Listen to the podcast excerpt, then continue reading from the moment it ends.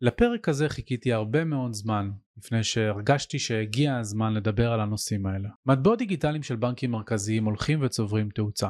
למעשה כמעט אין היום מדינה בעולם שלא נמצאת בהליך כלשהו של מחקר ופיתוח, השקה של פיילוטים או אפילו השקה רשמית של המטבע הדיגיטלי של הבנק המרכזי, ה-CBDC, במדינה. CBDC מציף מצד אחד היבטים שיכולים להיות בעלי יתרונות למערכת הפיננסית ולמערכת המוניטרית הקיימת על ידי שיפור וייעול המהירות של העסקאות, היעילות שלהם, הפחתת השימוש במתווכים, אבל מהצד השני הם מציפים עיסוק בסוגיה מאוד מאוד מרכזית בחיים שלנו, על אחת כמה וכמה במדינות שמגדירות את עצמן כדמוקרטיות, ליברליות, חופשיות, כמו לצורך העניין גם ישראל, וזה העיסוק בחופש הביטוי, בחופש הקניין, ולמעשה ביכולת שלנו להיות הבעלים של ההון שלנו בעצמנו, ללא תלות כמעט מוחלטת בגוף ריכוזי אחד.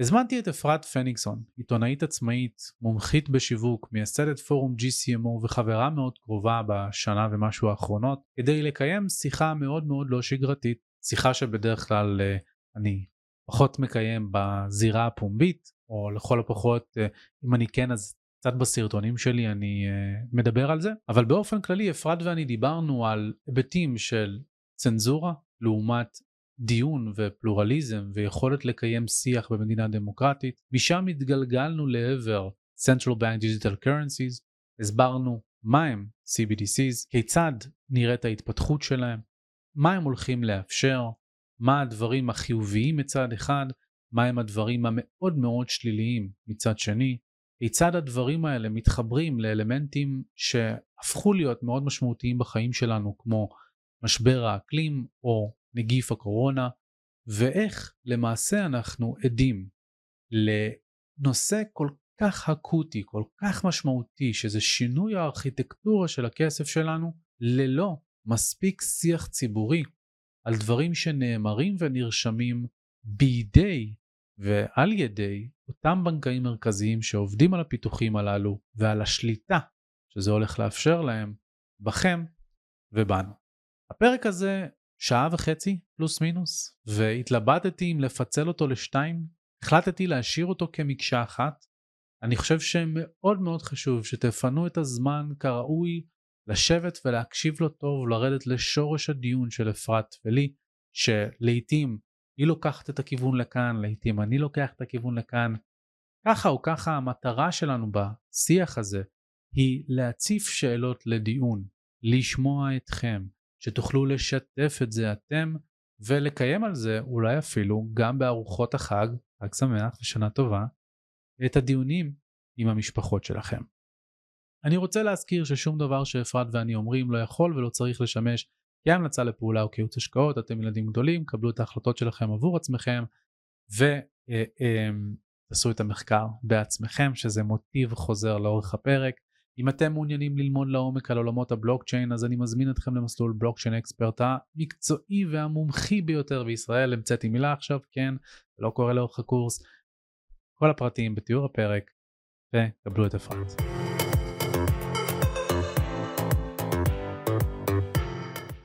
אפרת פנינגזון ברוכים הבאים למדברים קריפטו. תודה שהזמנת אותי בן. בשמחה. טוב, אז אני חייב לתת קצת אה, רקע לקהל מעבר למה שנאמר באינטרו, כי גם אה, יש דברים שצריך להגיד כאן.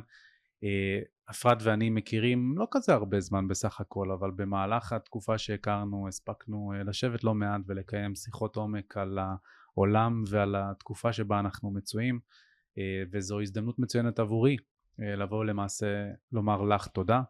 על העבודת קודש מבחינתי שאת עושה בזה שאת מציפה דיון אה, על הרבה מאוד דברים שחייבים להגיע הרבה יותר לבמות נרחבות, לשיח במיינסטרים, חלק מהדברים האלה כמובן נדבר עליהם היום, mm-hmm. אבל אה, אין ספק שאלו נושאים שנויים במחלוקת וכתוצאה במיוחד בעולם שבו אנחנו מצויים היום ואנחנו תכף נרחיב גם על זה אז האינסטינקטיבית אנשים נכנסים למגננה כשמדברים על הנושאים האלה בין אם זה כי זה נשמע להם הזוי ולא הגיוני, בין אם זה אה, אה, פשוט כי הם מפחדים. שבאמת יכול מאוד להיות שהדברים שאנחנו, שאת מציפה בהקשר של קורונה, משבר אקלים, CBDC כפי שאנחנו נדבר היום, הם באמת אמיתיים ויכולים לקרות. Mm-hmm. אז באמת תודה על זה, לא רק שאני נהנה לקיים איתך את השיחות מאחורי הקלעים ולראות איך אנחנו תמיד עוזרים אחד לשני, אז אני שמח שאת כאן כדי להביא את הידע הזה לקהל שלי, ויותר מזה אני שמח גם שאנחנו נוסעים ביחד אמסטרדם. אז uh, באמת, uh, למי מכם שלא יודע, אפרת ואני מארגנים את uh, משלחת הישראלית לכנס ביטקוין אמסטרדם שמתקיים ב, uh, רשמית ב-12-13 באוקטובר, אבל המשלחת יוצאת כבר מה-11. Uh, יש עדיין מקומות אחרונים למי שרוצה להצטרף, וגם אפרת וגם אני דוברים בכנס, כאשר אפרת הולכת לדבר על CBDC, על מטבעות דיגיטליים של בנקים מרכזיים, שלמעשה הרבה מאוד מה... עבודה שהיא עשתה לאחרונה מתעמקת ועוסקת בזה. Mm-hmm. אז עכשיו שנתנו קצת את האינטרו הקצר הזה, יש משהו שאת רוצה להוסיף על הכנס? כן, שהכנס uh, בשבילנו מעבר לזה שאנחנו הולכים לדבר שם, אנחנו גם הולכים לפגוש דמויות מאוד מאוד מעניינות ולראיין אותם. אנחנו עוד לא נגיד עם מי, אבל יש לנו כמה ראיונות מאוד מעניינים שיצאו מה... הכנס הזה, אז שווה לעקוב אחרי מה שהולך להיות אנשים שאפשר לומר שאנחנו מעריצים שלהם. ממש, אה, כאילו שברגע שאמרו לנו שהם מוכנים להתראיין, אמרנו וואו, גדול.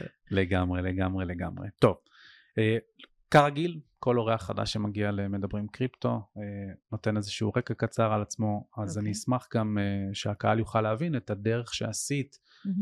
לסיטואציה שאת בכלל פתאום יושבת כאן בכיסא כן. של עיתונאית עצמאית, למרות שיש לך מוניטין ומותג אה, בהיבטים אחרים. אחרים. כן, כן, אז שוט.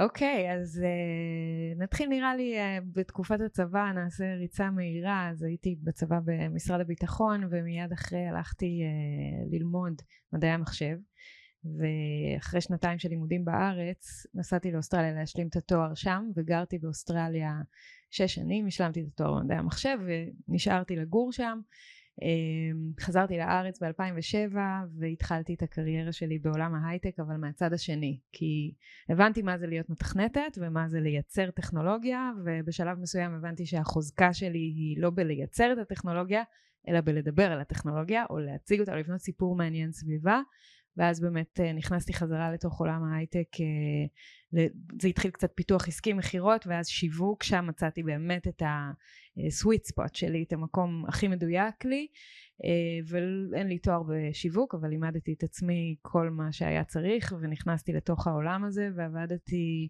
כמעט עשרים שנה בעולם הטכנולוגיה והשיווק.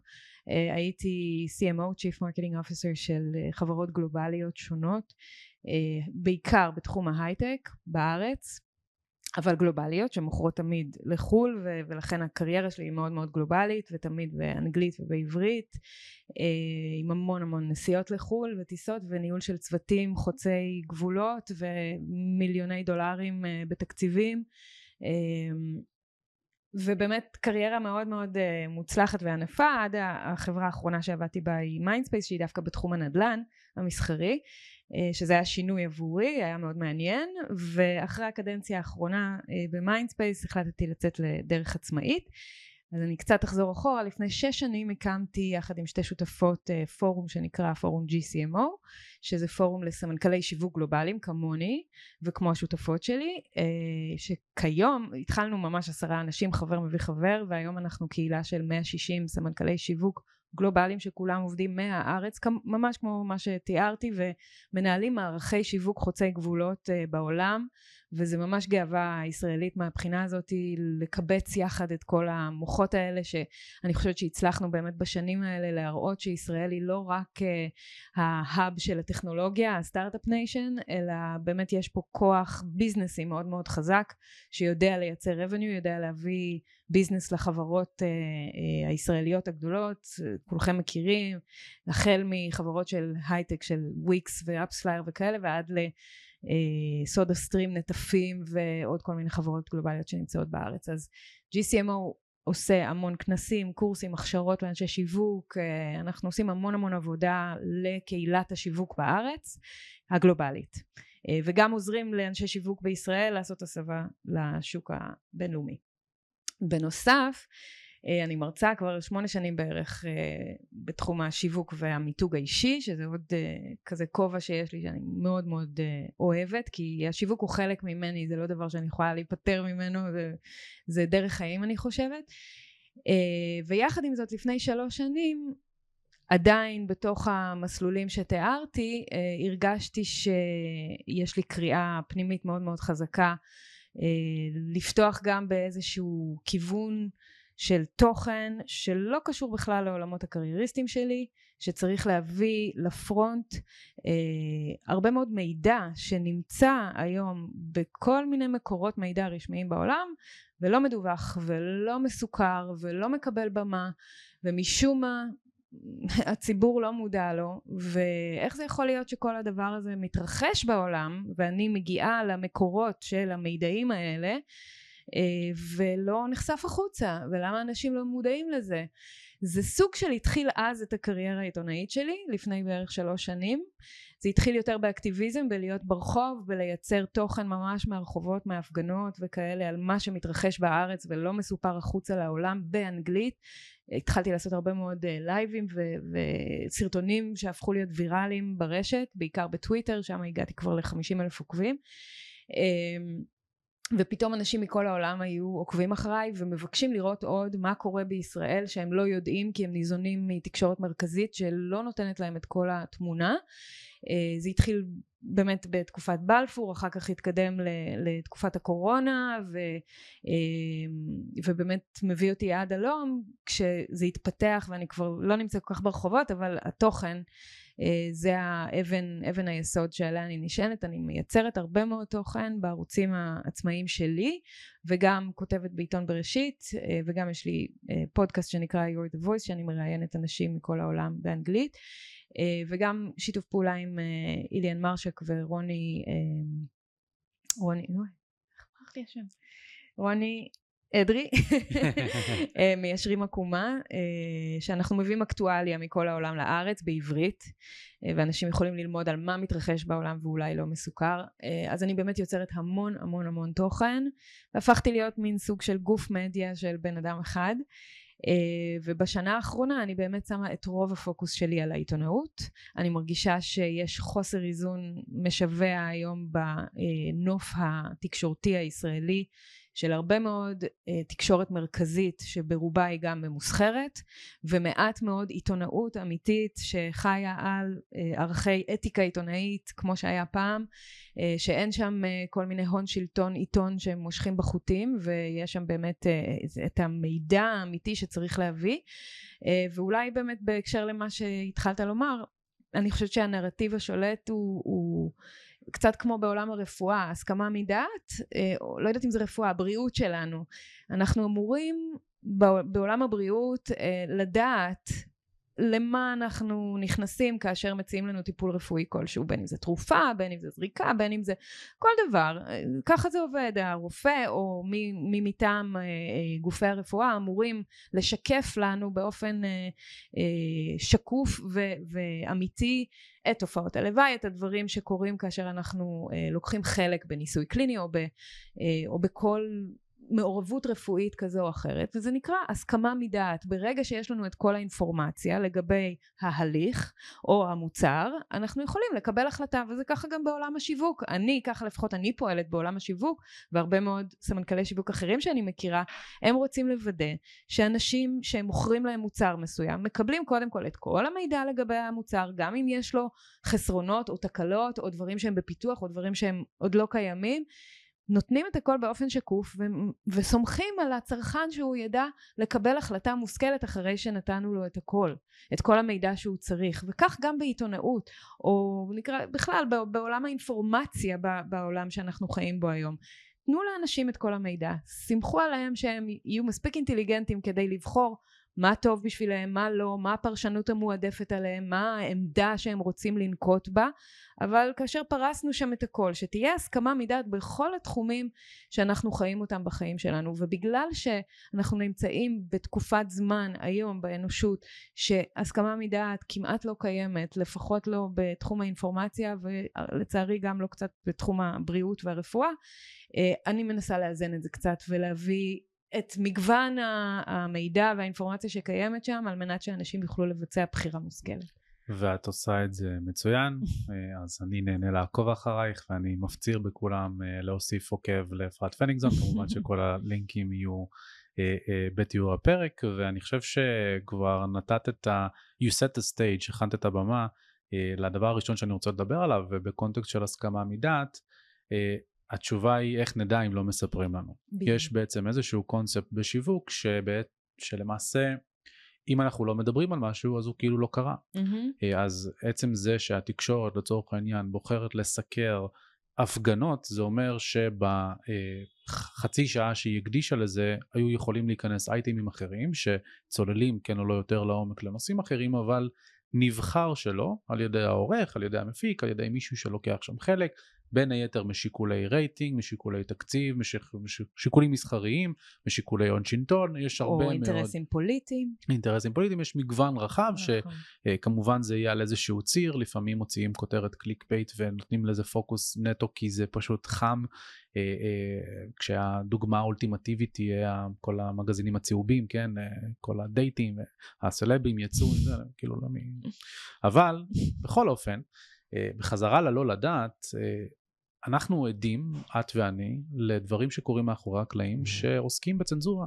למעשה, אני באופן אישי ראיתי את זה בצורה מובהקת יותר מתמיד בכל הקשור. בנגיף שהשתולל לנו בעולם אה, החל משנת 2020, כאשר מדענים מכובדים, כאלה שעובדים עם הממשל, עובדים, זכו בפרס נובל, פתאום הופכים להיות אה, שדים דמונים שאסור לראיין אותם, אסור לדבר איתם, צריך לשלול להם את הרישיון ואני אומר רגע אבל לפני שנייה אתם, הם יצאו לממשלה בנושא מגפות אז כאילו למה? אני רוצה פה להעביר לך... ולא רק שהם יצאו לממשלה, הם כתבו את ספרי הפלייבוק, את ספרי mm. ההכנה למצבי חירום במדינת ישראל. פשוט mm-hmm. לקחו את כל העבודה שלהם וזרקו אותה לפח. בדיוק. יש כאלה בהחלט. אז, אז בקונטקסט הזה אני רוצה לדבר קצת על, ה, על חופש הביטוי. Okay. אוקיי. ועל הצנזורה שאנחנו חווים, כי אני חושב שאנשים לא מודעים על זה שהנושאים שאנחנו עכשיו מדברים עליהם בפודקאסט, אלה אשכרה נושאים שאני לוקח כאן סיכון כבעל עסק ויוצר תוכן במדינת ישראל שמשתמש בפלטפורמה כמו יוטיוב שאני הולך לקבל פה קנסות מיוטיוב ואפילו סיכון מסוים של להוריד לי את הערוץ על זה שאני מעז להציף את זה שבמדיניות שלהם לצורך העניין אסור להגיד שאין משבר אקלים. אז הייתי שמח להעביר לך עכשיו את המיקרופון ולדבר קצת טיפה על מה שאת רואה בצנזורה, מה שאת חווה בין היתר בתור עיתונאית חוקרת שמחפשת את הדברים האלה. אז העולם היום מתקדם בצעדי ענק לעבר uh, מה שאני קוראת לו uh, צנזורה חוקית. קצת מניס... כמו שבעולם הכסף uh, או העולם המוניטרי יש לך fraud uh, חוקי על ידי הבנקים המרכזיים שיודעים uh, לייצר כסף או הבנקים ש-96% מהכסף בסירקולציה כמו שלמדתי אצלך בקורס uh, נוצר על ידי uh, uh, הלוואות ויצירת חוב נכון? וזה חוקי ובכל uh, תעשייה אחרת סביר להניח שהיו קוראים לזה קרטל או מאפיה או היו שמים אנשים מאחורי סורג ובריח uh, בעוד שבעולם uh, המידע והצנזורה אנחנו רואים שממשלות ומדינות מתחילות לחוקק חוקים וזה קורה בהמון מדינות מערב, בעיקר אנחנו מדברים על דמוקרטיות מערביות שזה הקטע המעניין, שזה לא קורה במקומות uh, כמו טורקיה ורוסיה וסין כי אתה יודע יש שם כבר אה, דיקטטורה מוצהרת ואין מה להסתיר אבל בדמוקרטיות המערביות איפה שלכאורה יש חופש ויש אה, אה, חופש ביטוי וחופש התכנסות וחופש כל מיני סוגים של זכויות אדם זה נורא מוזר לראות פתאום שורה של חוקים שיוצאת על מנת לצמצם את חופש הביטוי ואת חופש המחשבה אפילו של אנשים. אה, ואפילו את חופש הקניין של מה הם צורכים ואם זה חוקי או לא חוקי.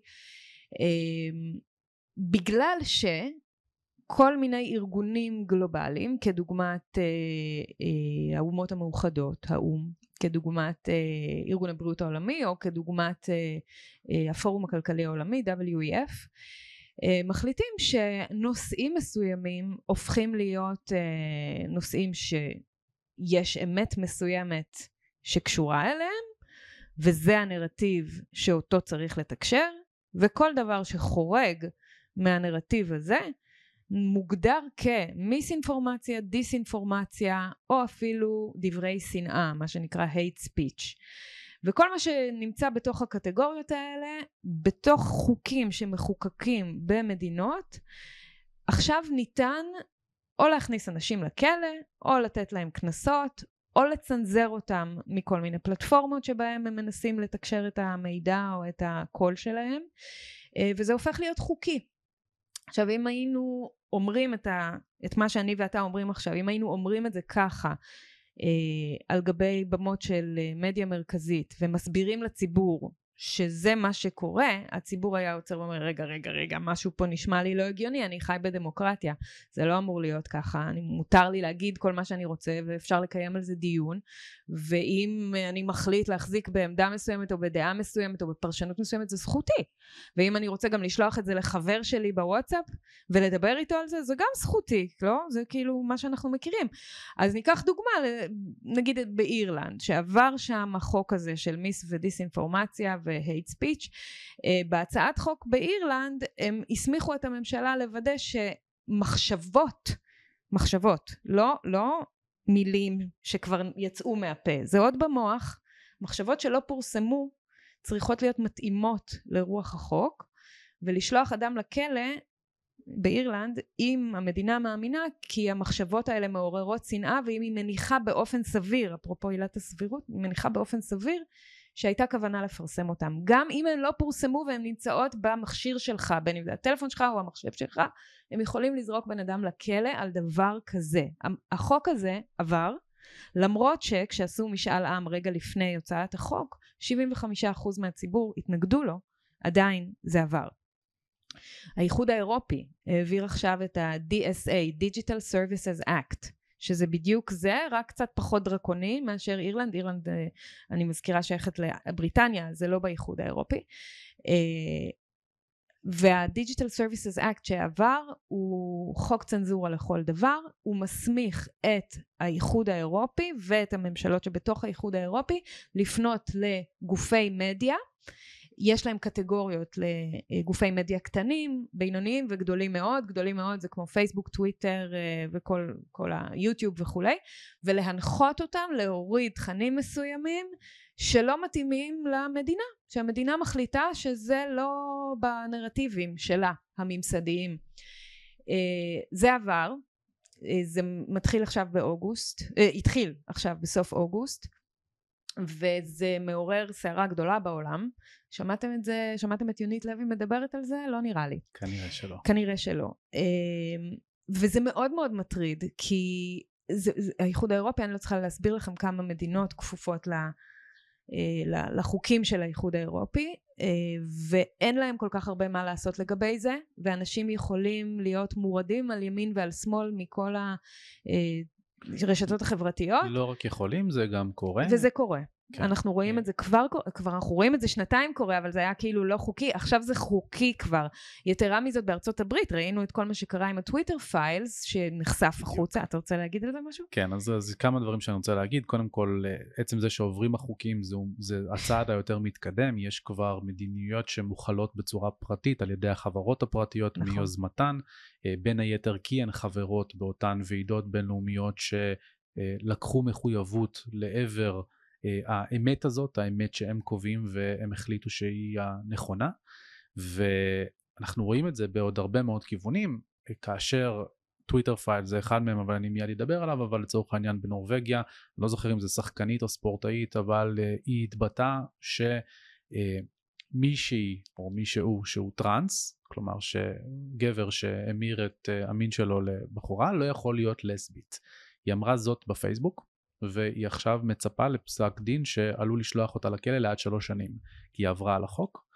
אבל חשוב יותר ומשמעותי יותר ואינטגרלי כל כך שכשאנחנו מדברים באמת על התפקיד של התקשורת בדמוקרטיה ואנחנו רואים מה קרה לפני הבחירות בארצות הברית, וזה מתחבר כאן ל Twitter Files, כי Twitter Files... רגע, אה, חשוב רגע שנעשה סוגריים, קונטקסט? ונגיד, אה, לפני הטוויטר פיילס, ונגיד שהדיון פה בינינו הוא לא על אה, נושא כזה או אחר, אה, LGBTQ וכולי, זה לא העניין, לא משנה מה אתה חושב, מה אני חושבת, מה מישהו אחר חושב, כל אחד זכאי לעמדתו פלורליזם. ולדעתו, בדיוק, פלור, פלורליזם מחשבתי, אבל אין את הזכות הזו יותר, אתה מבין? אה, זה שהיא חושבת את זה, או אמרה את זה, זה לא אומר שאני מסכימה איתה, אבל זכותה להגיד את זה?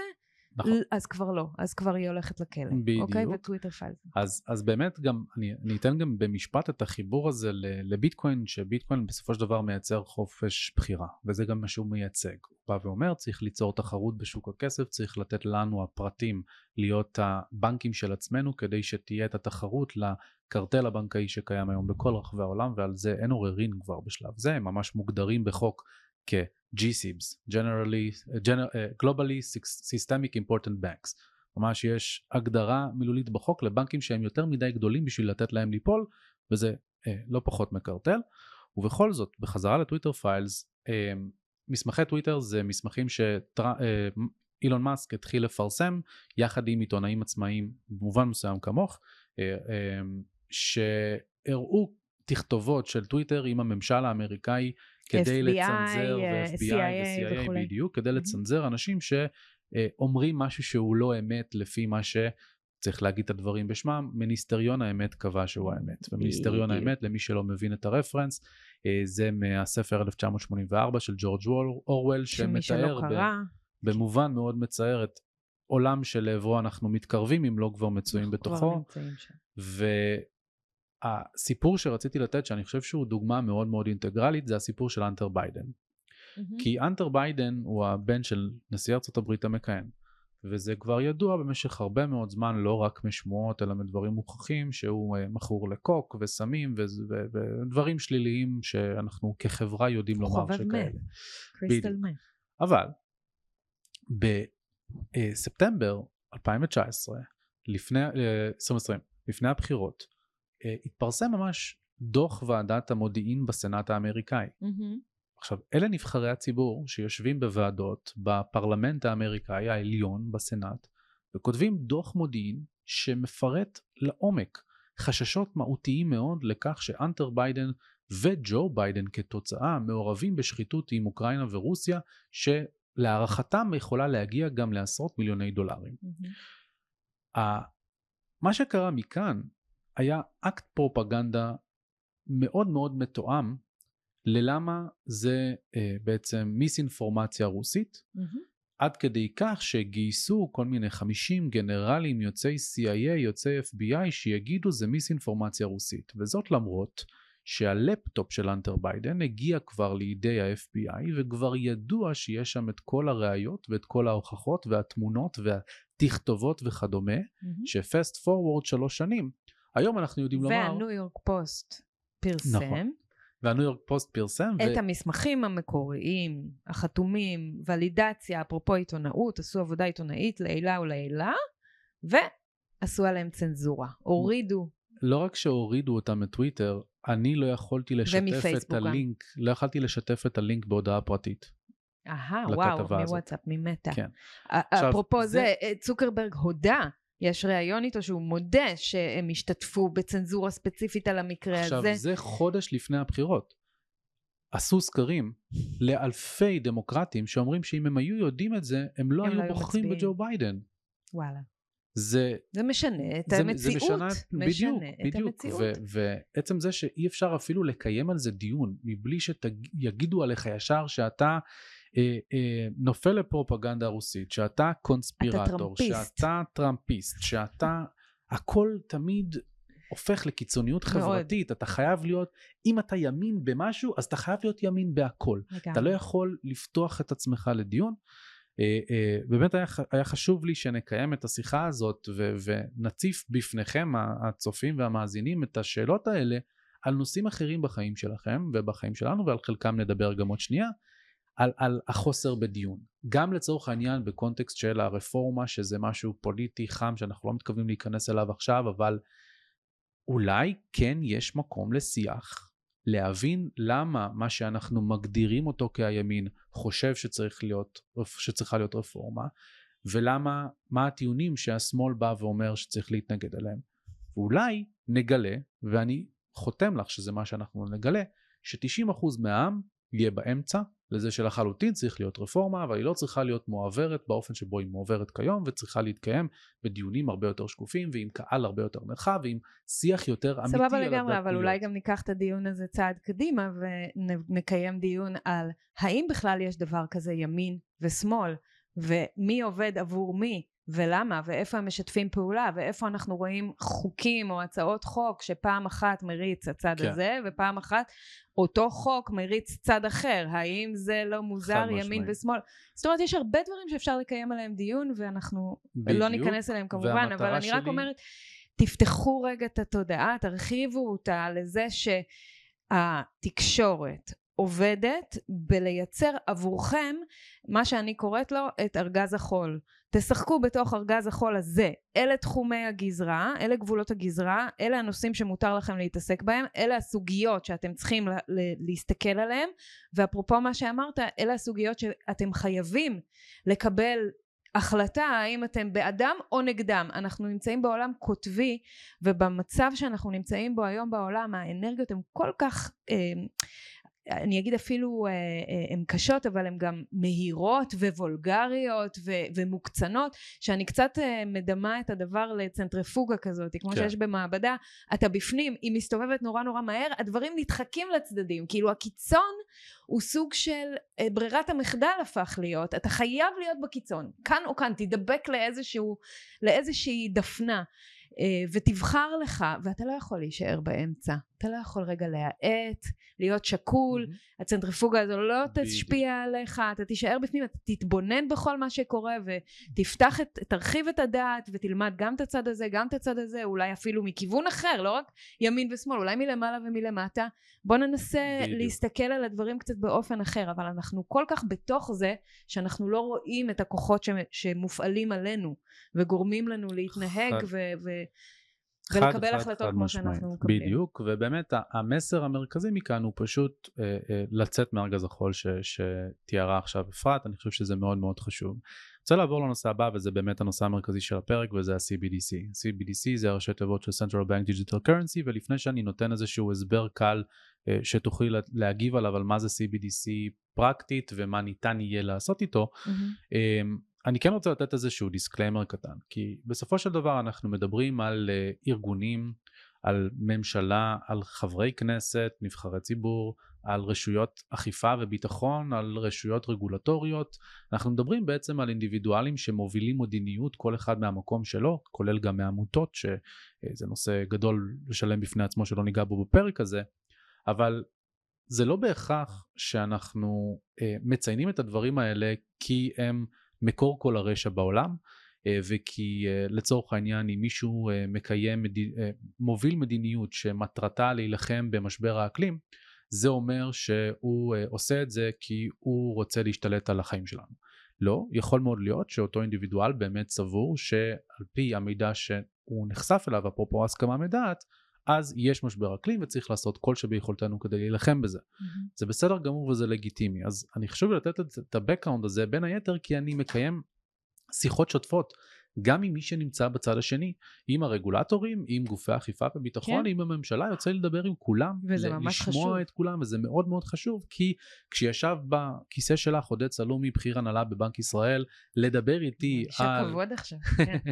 לדבר איתי על השקל הדיגיטלי ועל תפקידו של הבנק המרכזי, אני לא התרשמתי שמדובר בבן אדם שרוצה להשתלט לי על החיים או לגנוב לי את הכסף מהכיס באמצעות אינפלציה. סביר מאוד להניח שהוא בן אדם טוב עם כוונות טובות. בדיוק, אז, אז חשוב לי לתת את המסגרת הזאת, בין היתר, נכון. כי כשאנחנו מדברים על דברים גלובליים, כמו CBDC, שזה הליך שאנחנו רואים אותו קורה בכל העולם, או על רגולציות שהן מוכוונות על ידי גופים בינלאומיים, כמו uh, Bank of International Settlements, שזה הבנק המרכזי של הבנקים המרכזיים, International Monetary Fund, שזה קרן המטבע העולמית, uh, ה-World Economic Forum, שזה שיתוף פעולה בין גופים פרטיים וממשלות המובילות בעולם.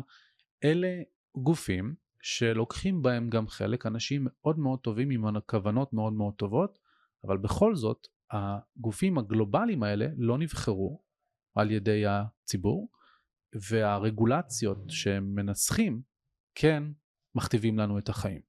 זה נכון.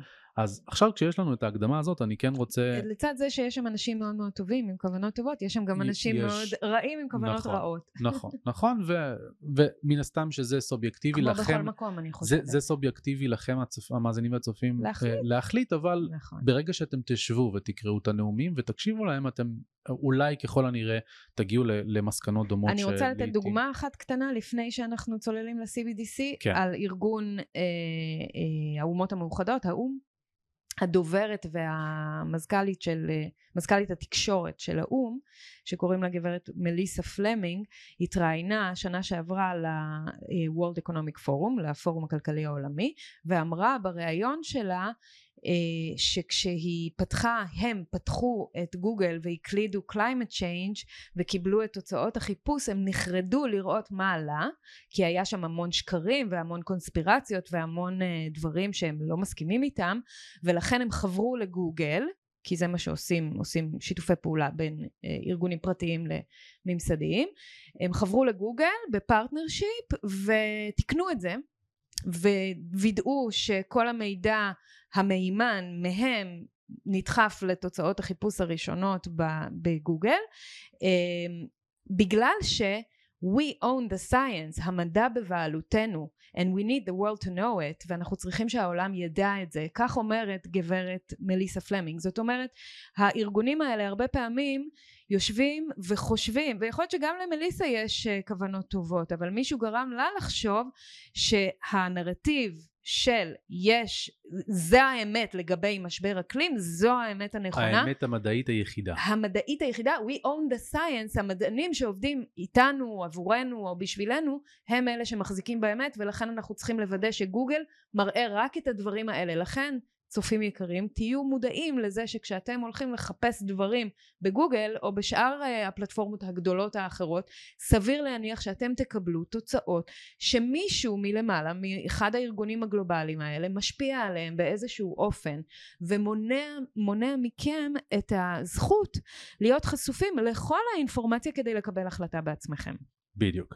אז אה, גם ל, ל, לראיון הזה שרואים אותה בווידאו אומרת את זה, נשים את הלינק כדי שתוכלו גם כן. כאן ללכת למקורות, לראות בהחלט. את הדברים בעצמכם, אנחנו מן הסתם לא ממציאים כאן. נכון. CBDC, אז סבבה. באופן כללי, אה, אה, בנקים מרכזיים יש להם, אה, אני אתן בריף קצר למי שרוצה להקשיב לפרק המלא, אז יש שני פרקים שאני ממליץ עליהם שקיימתי כאן בפודקאסט, או יותר נכון הם שניהם היו כפולים, אז ארבעה פרקים, אחד עם עודד סלומי, בכיר הנהלה מבנק ישראל, מנהל מחלקת התשלומים שהגיע לכאן כדי לספר מהצד שלו וכמישהו שמייצג את הבנק המרכזי מה תפקיד הבנק המרכזי ואיך הבנק המרכזי רואה את ה-CBDC ואת הסיבות שבעקבותיהם הוא הציג את זה ומהצד השני הזמנתי גם את חנן שטיינארט אה, לפרק שלימים נהיה הנשמע ביותר בפודקאסט כדי לתאר את איך הפדרל רזרב התחיל, מה התפקיד של הפדרל רזרב ומה ההשלכות המשמעותיות של מדיניות בנקים מרכזיים על האדם הקטן.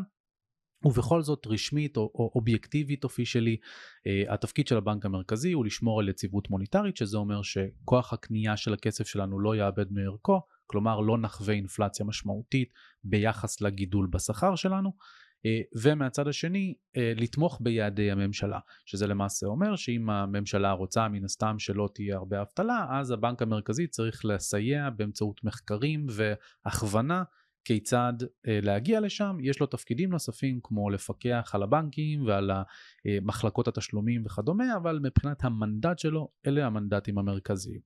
כיום, ממש בקצרה, המערכת נשענת, מערכת הבנקאות המרכזית, מערכת הכסף, נשענת הרבה יותר על המערכת הבנקאית. כלומר, כפי שהתחלנו עם זה את הפרק, רוב הכסף היום בעולם, יותר מ-97% ממנו מיוצר כחוב על ידי המערכת הבנקאית, ולא ככסף שמודפס במרכאות על ידי בנק מרכזי, כלומר היום שטרות ומטבעות שנמצאים בסירקולציה כבר בקושי מהווים אחוז או שתיים מהכסף mm-hmm. שבאמת מסתובב בין אנשים. אז זה מוביל אנשים להגיד וואלה הכסף שלנו במילא דיגיטלי, מה אנחנו צריכים עכשיו CBDC? זה נכון. אבל CBDC משנה לחלוטין את הארכיטקטורה. בגלל ה-C. בדיוק, mm-hmm. בגלל איך הדברים, כלומר איך הדברים באמת בנויים מתחת לפני השטח. ומה שזה מאפשר אם אני קופץ למסקנות פה זה הרבה יותר שליטה ריכוזית, ומכאן גם הפוקוס על ה-C של ה-Central Bank, כלומר, אם היום אנחנו נשענים על מערכת הבנקאית, ובעוד שהמערכת הבנקאית בפני עצמה, וזה כמובן ישתנה גיאוגרפית, נחשבת כקרטל, בזירה הבינלאומית בטוח, בזירה המקומית בישראל בטוח, אבל במדינות אחרות יכול להיות שיש טיפה יותר חופש. יש כתוצאה גם הרבה יותר יכולת ליצור תחרות, להציף יותר ערך לצרכן הקצה ולוודא שאין אה, אך ורק שחקנים בעלי פוטנציאל להיות רעים אה, ומשתפי פעולה ביניהם שמובילים את המערכת. אבל ככל שאנחנו מרכזים אותה ארכיטקטוריאלית, כלומר על ידי זה שאנחנו מעצבים אותה מחדש לשליטה ריכוזית, זה פותח אופציות חדשות לחלוטין אופציות שבין היתר, אה, תכף אפרת תספר על הדוגמה מתאילנד, על פג תוקף על הכסף שלכם, אופציות שבמסגרתם ימנעו מכם אה, כן לקנות את זה, לא לקנות את זה, למשל, ותכף אני מעביר לך את המיקרופון לפרט על זה גם יותר, אבל אוקיי. להגביל את כמה אתם מזהמים על ידי זה שמגבילים כמה אתם הולכים לשלם. אם אתם תחפשו ברגע זה עכשיו, כנסו לגוגל ותחפשו טיסה, טיסה. ב Google Flights, mm-hmm. אתם תראו שרשום לכם במפורש כמה אתם מזהמים. אה, אז... כתוב את זה, אתה חושב גם כשאתה מזמין טיסה במטוס פרטי אה, שלך, אה, ואתה נוסע לכינוס של גלובליסטים? לא. אז, אז יש סוגים שונים של CBDC, יש סוגים שמיועדים יותר למערכת הפיננסית והבנקאית, יש סוגים שיותר אמורים להגיע לפרט, לאדם הקטן, בחלק מהמקומות בעולם אה, אה, עושים ככה, בחלק מהעולם עושים ככה. אני עכשיו רוצה להעביר לך את המיקרופון כדי שתתארי טיפה יותר את העניינים שדיברתי עליהם בקונטקסט של carbon okay. credits, אה, בקונטקסט של דברים נוספים שאת חושבת שחשוב להציף ל-CBDC. כן. אחרי זה נצלול לשקל הדיגיטלי ולמה שקורה בעולם. לשקר הדיגיטלי. זה את אמרת. אני לגמרי, ואני לוקחת אחריות על כל מה שאני אומרת. אני רוצה להתחיל בלומר שאני ממש ממש גאה לקיים איתך את הדיון הזה אחרי שאני הייתי תלמידה שלך בקורס של אה, אה, השקעות, נו, בתקופת, השקעות כאוס. בתקופת כאוס וקיבלתי שם המון מידע מאוד מאוד רלוונטי שעזר לי וגם כמובן אני צופה בהרבה מה, מהתכנים שלך וזה, וזה באמת כבוד בשבילי לדבר איתך על זה כי אני מרגישה שאתה תמיד השלמת לי את התמונה ונתת לי, אני נכנסתי לזה מהזווית של רגע, יש פה עוד איזשהו אמצעי שבא לשלוט בבני אדם ובמה שהם עושים, או יש פה עוד איזשהו אמצעי דיכוי, או צנזורה, או דברים כאלה, או עיבוד פרטיות אמ, ומשם התחלתי ללמוד על כסף. כאילו במסגרת האקטיביזם שלי ואתה השלמת לי את כל התמונה הזאת ולהבין איך מערכת הכסף עובדת בכלל ומה זה בכלל כסף אני מפצירה בכל בן אדם להתחיל לשאול את השאלות האלה וללכת ללמוד. והקורס של כאוס היה מדהים בשביל זה כדי להבין איך המפה הגיאופוליטית עובדת היום איך העולם מתנהג היום סביב הכסף מטורף. אז אני דווקא מתחילה... תודה על הפלאג, הלינק יהיה לכם בתיאור הפרק, ואני רק לא, אגיד זה... שלא אמרתי לה להגיד את לא זה. לא אמר לי, נכון. אה, בחירה חופשית. אני דווקא אתחיל בציטוט של חנן שטיינהרט אה, במסגרת ה... הכנס הפרונטלי שהיה הכנס במסגרת הקורס של הכאוס, היה לנו כנס איתך וחנן ראיינת אותו על הבמה והוא אמר הבעיה עם CBDC היא לא שזה מסכן את תעשיית הקריפטו אלא שזה מסכן את תעשיית החופש. ואמר סטלין והיטלר היו גאים לחיות בתקופה כמו שאנחנו חיים בה עכשיו כי זה מסדר להם את כל ה vision וזה היה כל כך מדויק, הוא נתן שם איזה 2-3 דקות על ה-CBDC, אבל הוא באמת uh, זיקק את הסכנה הגדולה שיש ב-CBDC, וגם אני וגם אתה מאוד עם היד על הדופק לגבי ההתפתחויות של המערכת הזו שנקראת CBDC, השקל הדיגיטלי, גם בארץ וגם בחו"ל. אנחנו הולכים למפגשים, אנחנו שומעים מה אומרים המומחים בתחום, אנחנו קוראים את המסמכים ואת ניירות העמדה שיוצאים מהבנקים המרכזיים, גם בארץ וגם בעולם ואנחנו רואים שכמעט בכל מקום כאשר יוצא מידע רשמי מהגורמים הכביכול מוסמכים להנפיק את הדבר הזה תמיד הנרטיב הוא נורא חיובי. CBDC זה טוב CBDC יפשט לכם את החיים זה נוח זה קל זה מהיר זה מאובטח וכמובן זה של הממשלה אז אתם יכולים לסמוך על זה. שם חשדתי מה שנקרא. אז מבחינתי CBDC אמ, היא כן מערכת מוניטרית חדשה ש... נקרא לזה הכוחות הגדולים שמניעים את העולם, הכוחות המוניטריים הגדולים שמניעים את העולם, מאוד רוצים להגיע כבר לשלב שבו הם מנפיקים את המערכת המוניטרית החדשה הזאת, אבל אני חושבת שהיא לא מערכת מוניטרית, אני חושבת שהיא מערכת טכנולוגית שבאה בעצם לשלוט בבני אדם באופן יותר קל. אפשר לפתוח את הסימן שאלה ולשאול למה שאנשי הכסף של העולם ירצו לשלוט באנושות? זה כבר דיון אחר ולכו תחקרו ואפשר תמיד לפתח את הדיון הזה אבל אנחנו נתמקד במה הם עושים אוקיי? אז קודם כל מפי החמור עצמו אוגוסטין קרסטנס זה מנכ"ל הבנק להסדרים בינלאומיים BIS Bank of International Settlements הוא בעצמו בשנת 2020 קצת אחרי פרוץ הקורונה עולה ומתראיין לתקשורת ואומר הבנקים מתכננים לקבל שליטה מוחלטת על הכסף שלך עם מטבעות דיגיטליים של הבנק המרכזי וזה הולך להחליף את המזומן ויש לנו דרך לאכוף את זה. זאת אומרת הוא מצהיר זה התוכנית שלנו, אנחנו מתכ... מתכוונים לגלגל את המוצר הזה שנקרא Central Bank Digital Currency או ב- בישראל השקל הדיגיטלי והמוצר הזה אה, יחד עם זה שהוא יהיה מאוד מהיר ותוכל אה, לבצע טרנזקציות פיננסיות באופן מאוד קל ופשוט ואולי אפילו זה יהיה שקוף לך האזרח. אתה אפילו לא תדע שמה שיש מאחורי הקלעים זה שקל דיגיטלי. אתה תמשיך להשתמש בכרטיס אשראי שלך ב Google Pay ב Apple Pay אה, בשעון לא משנה כל דרך בביט בפייבוקס באותם אמצעי תשלום שהשתמשת עד היום, תמשיך להשתמש, אולי חוץ ממזומן, אה, ומאחורי הקלעים התשתית תשתנה, ומה שיהיה שם זה מטבע דיגיטלי של בנק מרכזי. עכשיו, למה זה צריך לעניין אותך אם זה שקוף עבורך? למה זה מסוכן? או למה, למה יש פה נורות אזהרה שאני מנסה להרים לאנשים כדי שילמדו יותר על המערכת המוניטרית הזו?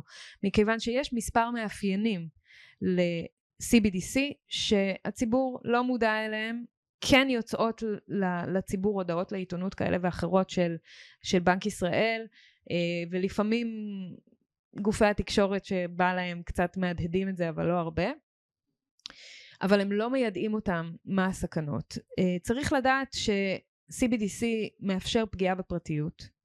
מה שהיום יש לנו עם מזומן לא יהיה ב-CBDC. כל פעולה שמתבצעת על גבי השקל הדיג... מערכת השקל הדיגיטלי היא פעולה שאפשר לראות אותה, לדעת מה, מי עשה, מתי עשה, למה עשה, כמה עשה.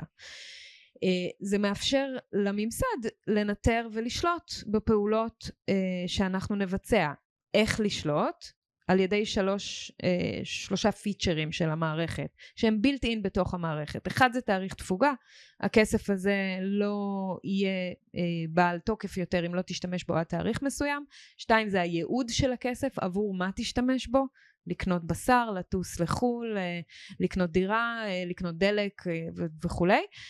ושלוש זה כיבוי והדלקה פשוט של הארנק הדיגיטלי שלך. זה שלושת המאפיינים שהם בילט אין בתוך המערכת. אז אפשר רגע לקפוץ כדוגמה לאנקדוטה למה שקורה עכשיו ממש בימים האחרונים בתאילנד. בתאילנד השיקו באמת פיילוט חדש של CBDC. וכל אזרח תאילנדי מעל גיל 16 שיש לו את ה... שמחזיק בארנק הדיגיטלי אה, של ה-CBDC התאילנדי אה, יקבל מהממשלה 280 דולר חינם כמובן בבת אבל 280 דולר שזה הרבה מאוד כסף בתאילנד של CBDC אממה, ופה ה catch, הם חייבים לבזבז את הכסף תוך שישה חודשים, להשתמש בו תוך שישה חודשים, וברדיוס של ארבעה קילומטר מאיפה שהם גרים. זאת אומרת כבר הפעילו על ה-CBDC התאילנדי את ה geo fencing מה שנקרא בעולם התוכן מי מכם שעוסק עולם תוכן כמו וידאו, נטפליקס וכאלה, אתם יודעים שאם אתם לפעמים נוסעים למדינה אחרת, אתם לא יכולים לצרוך את התוכן. אם יש לכם yes, ואתם רוצים לראות yes מארצות הברית, יכול להיות שלא ייתנו לכם, רק אם תשתמשו ב-VPN, יש geo-fencing. גם בכסף הדיגיטלי ניתן לעשות את זה. אז פה הם אומרים לכם, כמו בקורונה, שאמרו לנו, אתם לא יכולים לצאת יותר מקילומטר מהבית, או לא, לא זוכר, 100 מטר מהבית היה, היו כל מיני הזיות כאלה, אז גם פה יכולים להגיד לכם, אתם צריכים להשתמש בכסף בתאילנד, 4 קילומטר רדיוס מהבית שלכם, אם זה יותר מזה הכסף לא שמיש. עכשיו חשוב להגיד ש, שמהצד השני כדי לאזן את זה יש דברים חיוביים שאפשר להגיד על למה זה יכול להיות טוב כלומר שיווקית אפשר למזכר את זה כמשהו בעל פוטנציאל חיובי, כדי לעודד עסקים בהחלט. בינוניים ו- וקטנים שמצויים נכון. באותו אזור גיאוגרפי. נכון. אז, אז זה לא בהכרח שמה שאנחנו מתארים כאן זה אך ורק את השימושים השליליים שלשם כולם חותרים. יש לזה גם פלוסים, אבל מה שקורה דה פקטו זה שהם מקדמים אך ורק את הפלוסים ולא מדברים על המינוסים. הם מקדמים אך ורק את הפלוסים, וכאילו בדלת האחורית כל החסרונות של הדבר הזה קיימים, ואנחנו לא מודעים אליהם. אז יכול להיות שבן אדם שפשוט לא יודע, אין לו כוונה רעה, אבל הוא לא יודע, הוא ילך all in לתוך המערכת הזאת, כל הכסף שלו יעבור ל-CBDC, ופתאום הוא מוצא את עצמו, לפני שהוא הבין מה קרה, אחרי נגיד שנה או שנתיים של הבשלה של המערכת המוניטרית הזאת, כפוף לכל מיני הגבלות וחוקים ודברים כאלה, שלא בא לו שכל הכסף שלו יהיה, אבל הוא כבר לא יכול להוציא את זה החוצה. זאת אומרת, חשוב להיות מודעים מראש למה המשמעויות של להיות בתוך מערכת ה-CBDC, לפני שהכנסת את כל הביצים שלך לסל אחד. אמ, בישראל יש פרויקטים שהושלמו אה, וכמובן לא דיברתי, סליחה, על יכולת התכנות של הכסף, אמרתי ייעוד, אבל בוא נדבר רגע על programmability, אה, על היכולת לתכנת את הכסף עבור משהו מסוים. אז במסמך של בנק ישראל, אני מצטטת, במסמך האחרון, 50 עמודים של בנק ישראל, שקראתי את כולו, הם כותבים, המוטיבציה שעומדת מאחורי תשלומים שניתנים לתכנות היא לכלול היגיון מסוים בתהליך התשלום. כך למשל, ניתן לקבוע שתשלום מתבצע על בסיס כללים או העדפות שהוגדרו מראש, אם תנאי X מתרחש, אז תשלום Y יתבצע. לדוגמה, כסף שניתן לבצע תשלום באמצעותו רק בתנאי שרכישת המוצר עומדת בהגדרת החוק. אז כמובן זה טוב לסמים ופורנוגרפיה וכסף שחור ודברים כאלה, זה בהחלט פותר את הבעיות האלה. יחד עם זאת, אם החלטת עכשיו לרכוש, לא יודעת מה, דגל להפגנה שהממסד לא רוצה לקיים אותה, הם החליטו שלא, אתה לא יכול לרכוש את הדגל הזה. וזה לא רק דוגמה. זה, כן, מריחואנה הייתה לא חוקית ומיועדת לטרוריסטים לפי הגדרת החוק עד לפני כמה שנים, ועכשיו התהפכנו, אז מה זה אומר? שלא מתהפכים יותר? שמהרגע שמשהו הוחלט כהאמת, אז הוא האמת היחידה ושמאותו רגע אי אפשר לבחון את זה?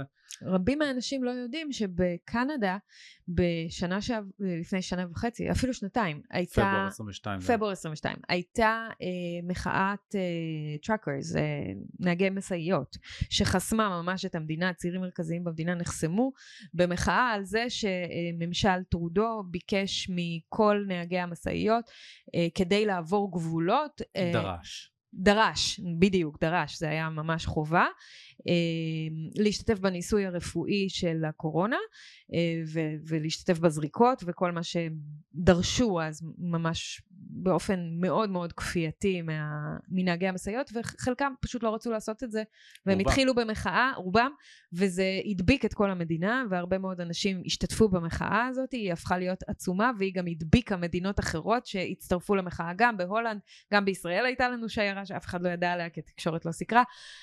ובמחאה הזאת טרודו החליט שלא בא לו על זה, לא טוב בדמוקרטיה הקנדית המערבית החדשה שהוא המציא שבה הוא מחליט איזה מחאות כן ואיזה מחאות לא אז הוא פשוט סג... נתן הוראה לבנקים לסגור את החשבונות הוא בנק הוציא צו חירום ממשלתי לראשונה לו. מזה 40 שנה. תודה.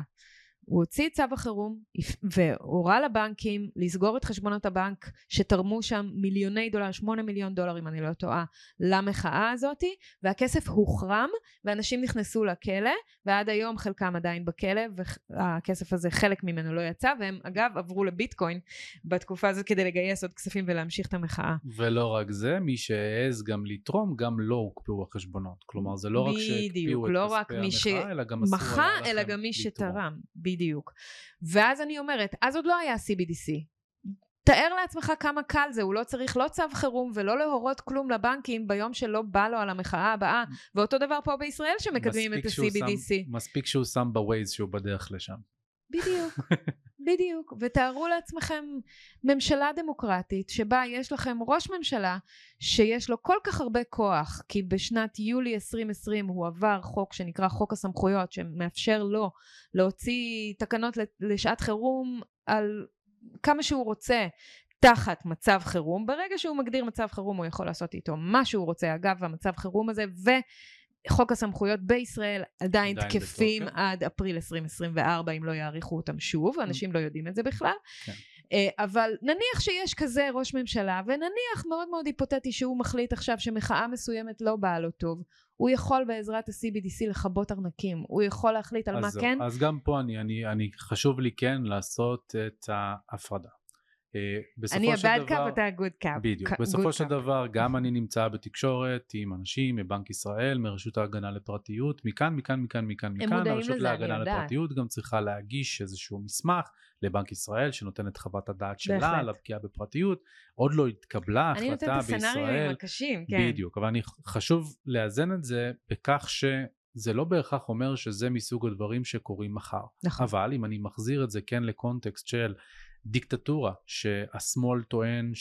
מה שאנחנו מגדירים כשמאל, שאנחנו עומדים להיכנס לדיקטטורה של אה, יהדות קיצונית, אה, ש... ש... איך, איך קוראים לזה? אה, כאילו שאנחנו הולכים להיות. במשטר משיחי בדיוק, זה, זה, זה ההפחדות, זה הנרטיב כרגע שמצוי בעיקר במה שעוטף את ההפגנות, אז על אותו משקל, ברגע ש-CBDC כן יהיה באימוץ המוני, וגם אם עד אז המשטר היה משטר דמוקרטי אמיתי, רגע נתעלם מזה ששני הצדדים עושים את אותו דבר, אה, אז במקרה כזה אכן תהיה את האופציה לאותו משטר משיחי או משטר דיקטטורי להשתלט על הבנק המרכזי ולהתחיל דרך זה להפעיל תהליכים כפי שקורה בסין, כפי שקורה ברוסיה שהשיקו את ה-CBDC שלהם ובמקומות אחרים בעולם. אז כן צריך לתת את זה ב- גם בטיים פריים וגם במסגרת סמכויות שאנחנו עוד לא אה, מצויים ואנחנו גם לא קרובים אני אטען לשם, אבל אנחנו בהחלט קרובים נרטיבית אה, בזה שמשווקים את זה בתור אה, דבר ברור. מאוד מאוד חיובי על אף שלא התקבלה בכלל ההחלטה. אז אני אמשיך רק עם הש- שני הדברים הקצרים האחרונים שאומר בנק ישראל, כסף שניתן להשתמש בו רק בזמנים או בתאריכים מסוימים, ותשלום שמתבצע רק כאשר מתקיימים תנאים מסוימים, למשל לאחר שמשימה כלשהי הושלמה. זה מאוד רחב, זה מאוד נתון ל... לפרשנות ולמה הם הולכים לעשות עם זה, אבל הם בהחלט מציירים פה תשתית שבה אפשרי אם מישהו ירצה לנצל את הדבר הזה לרעה ולהכיל פה שליטה מאוד אגרסיבית, זה אפשרי במסגרת מה שהמערכת הזו מאפשרת. אה, בישראל, כן. נגיד על אותו משקל של הדוגמה שהרגע נתתי זה גם יכול להיות רלוונטי לת- לתרומות פוליטיות כן אם אני עכשיו השליט ואני אה, כן עושה את מה שצריך להיעשות כדי לשלוט בכסף בצורה יותר ישירה אני גם אוכל לדרוש ואני אוכל טכנולוגית למנוע מכסף לזרום למועמד פוליטי שמתחרה בי אה, נכון. אז בדמוקרטיה זה גם אה, נדבך. חשוב. אגב, יושב אה, נגיד בנק ישראל אמיר ירון בינואר האחרון בפורום הכלכלי העולמי, ה-WEF, אותה, אותה פלטפורמה בדבוס, ואומר שאנחנו במהלכה של מהפכה טכנולוגית במערכת, במערכות תשלומים בעזרת מטבעות דיגיטליים של בנקים מרכזיים, CBDC, לטובת הציבור, ומתייחס להישגים של פרויקט אייסברייקר, תכף כל, נדבר על כל מיני פרויקטים ש, שבאמת ישראל מובילה בהם ו, והשלימה אותם בהצלחה והוא הוא ממש משתמש במילים מהפכה טכנולוגית במערכות תשלומים לטובת הציבור אז אני שואלת את השאלה אם יושב נגיד בנק ישראל על במה בחו"ל ומדבר על הדבר הזה ויש פה וידאו של איזה 14 דקות שמציג את אותו ומה הוא אומר על הפרויקט איך זה שהציבור, אנחנו, שזה נוגע לחיים שלנו באופן ישיר, לא יודעים שמתרחשת כזו מהפכה, לא מבינים שזה לטובתנו? למה אף אחד לא עוסק בלהעביר לנו את האינפורמציה הזו כדי שנדע מה מגיע? אז אולי באמת מפה נעבור לפרויקטים. חשוב גם להוסיף שנייה כן. לפני זה שגם עודד סלומי שישב כאן כן. בא ואמר את המשפט הבא ואני paraphrasing זה לא הציטוט המדויק זה בערך מה שהוא אמר שההתפתחות של ביטקוין באופן ספציפי קריפטו ולאחר מכן גם stable coins כן הכניסו את בנקים המרכזיים למוד של במובן מסוים מלחמה או. מגננה או לחץ הם אומרים את זה במסמכים ש... שלהם. בדיוק, כן. משום שהם, בהינתן שהמנדט שלהם הם- הוא יציבות מוניטרית, וכן, זה אני עדיין paraphrasing את עודד, אם התפקיד שלהם הוא לשמור על יציבות מוניטרית, אבל הציבור מתחיל להשתמש בכלים אחרים בתור העברת ערך, אז הם מאבדים את היכולת שלהם לעמוד במנדט שלהם. כלומר, אם עכשיו לצורך העניין בהגזמה 50% מהתשלומים עוברים לביטקוין או ל stable coins דולרים בכלל פה בישראל, mm-hmm. אז בנק ישראל פתאום הרבה פחות רלוונטי ביכולת שלו אה, לשמור על השקל. הם אז... נותנים את זה כאחת הסיבות בתוך המסמך שלהם שנקרא תרחישים אפשריים להחלטה על הנפקה של השקל הדיגיטלי יש חמש סיבות ללמה הם יזרזו את ההנפקה של השקל הדיגיטלי. אחד מהם זה זה שתיים זה מדינות אחרות שמתקדמות כבר ועושות אה, פיילוטים יפים הם רוצים להיות שם גם אה, שלוש זה אה, ירידת השימוש במזומן כמובן, שהם מעודדים אותה כל הזמן, אנחנו רואים מה הבנקים עושים וממש כדי... וממש השבוע להוריד. בנק הפועלים בנק הפועלים. הגביל משיכות לשלושת אלפים שקלים, שאנשים בדיוק. לא מקשרים, אומרים וואלה זה דבר טוב, זה ימנע הלבנות הון, זה ימנע כסף שחור, זה ימנע את כל הדברים השליליים, וזה נכון, זה נכון יש לזה. אבל, אבל זה בא על חשבון משהו אחר, והכל קשור להכל. בקיצור, יש שם חמישה תרחישים, אלה באמת המובילים, הם בהחלט נערכים להנפקה. של השקל הדיגיטלי. לי ולך תמיד יש uh, חוסר הסכמה על מתי זה יהיה, אני חושבת שזה יהיה מוקדם יותר, אתה חושב שזה ייקח יותר זמן בגלל המעורבות של הבנקים בפרשה הזאתי, אבל הם נותנים המון המון סימנים לזה שהמערכת מוכנה. זאת אומרת, מה זה סימנים? המערכת מוכנה, אחרת הם לא היו משלימים פרויקטים בהצלחה ומכריזים עליהם לעולם בהודעות לעיתונות ווידאוים אה, שיווקיים שמראים איזה הישג אה, הצלחנו להשיג.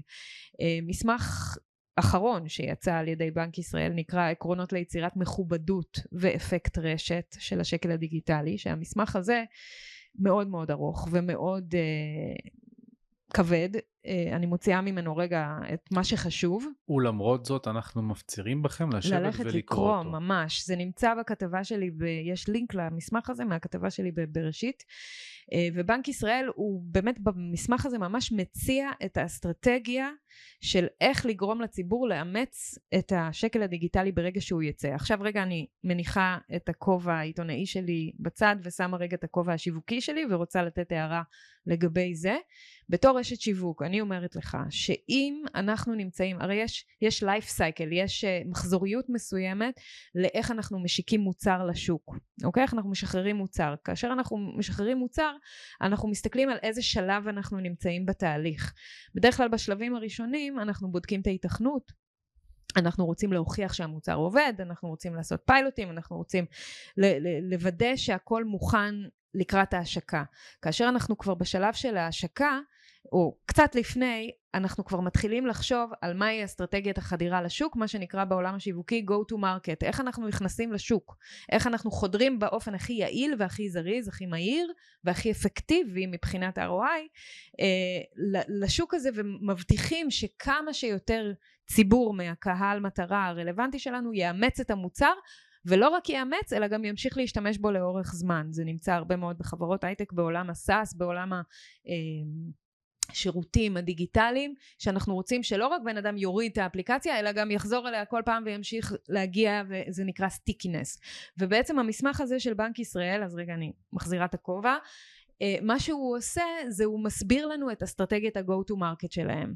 הם בעצם שוטחים פה בפנינו את מה האסטרטגיה השיווקית שלהם על מנת לחדור לשוק כמה שיותר מהר, כמה שיותר ביעילות, כמה שיותר לגרום לאימוץ נרחב, קוראים לזה acceptance, וכמה שיותר לגרום לסטיקינס, להדבקה של, ה, להגדלת אה, של הלקוח למוצר עצמו כדי שימשיך להשתמש בו. בדיוק. והם ש... מפרטים, כן. אז שנייה לפני שאת מפרטת את זה, אני רק אתן איזשהו היבט טיפה יותר... אה, אה, בירוקרטי אולי, אה, אבל באופן כללי, פרקטית, בנק ישראל יכול אך ורק להמליץ מה הוא רוצה לעשות, הוא יכול להמליץ אך ורק שהוא, אחרי שהוא מקבל את חוות הדעת מהרשויות הרלוונטיות לנושא הזה, כולל הרשות להגנה לפרטיות שציינתי, ולאחר מכן הממשלה צריכה לעשות שני דברים, קודם כל לבחון האם במסגרת החוקים הקיימים היא יכולה לאשר את ההמלצה הזאת ולקבל אותה, או שמא היא צריכה להעביר חוקים בכנסת כדי לאפשר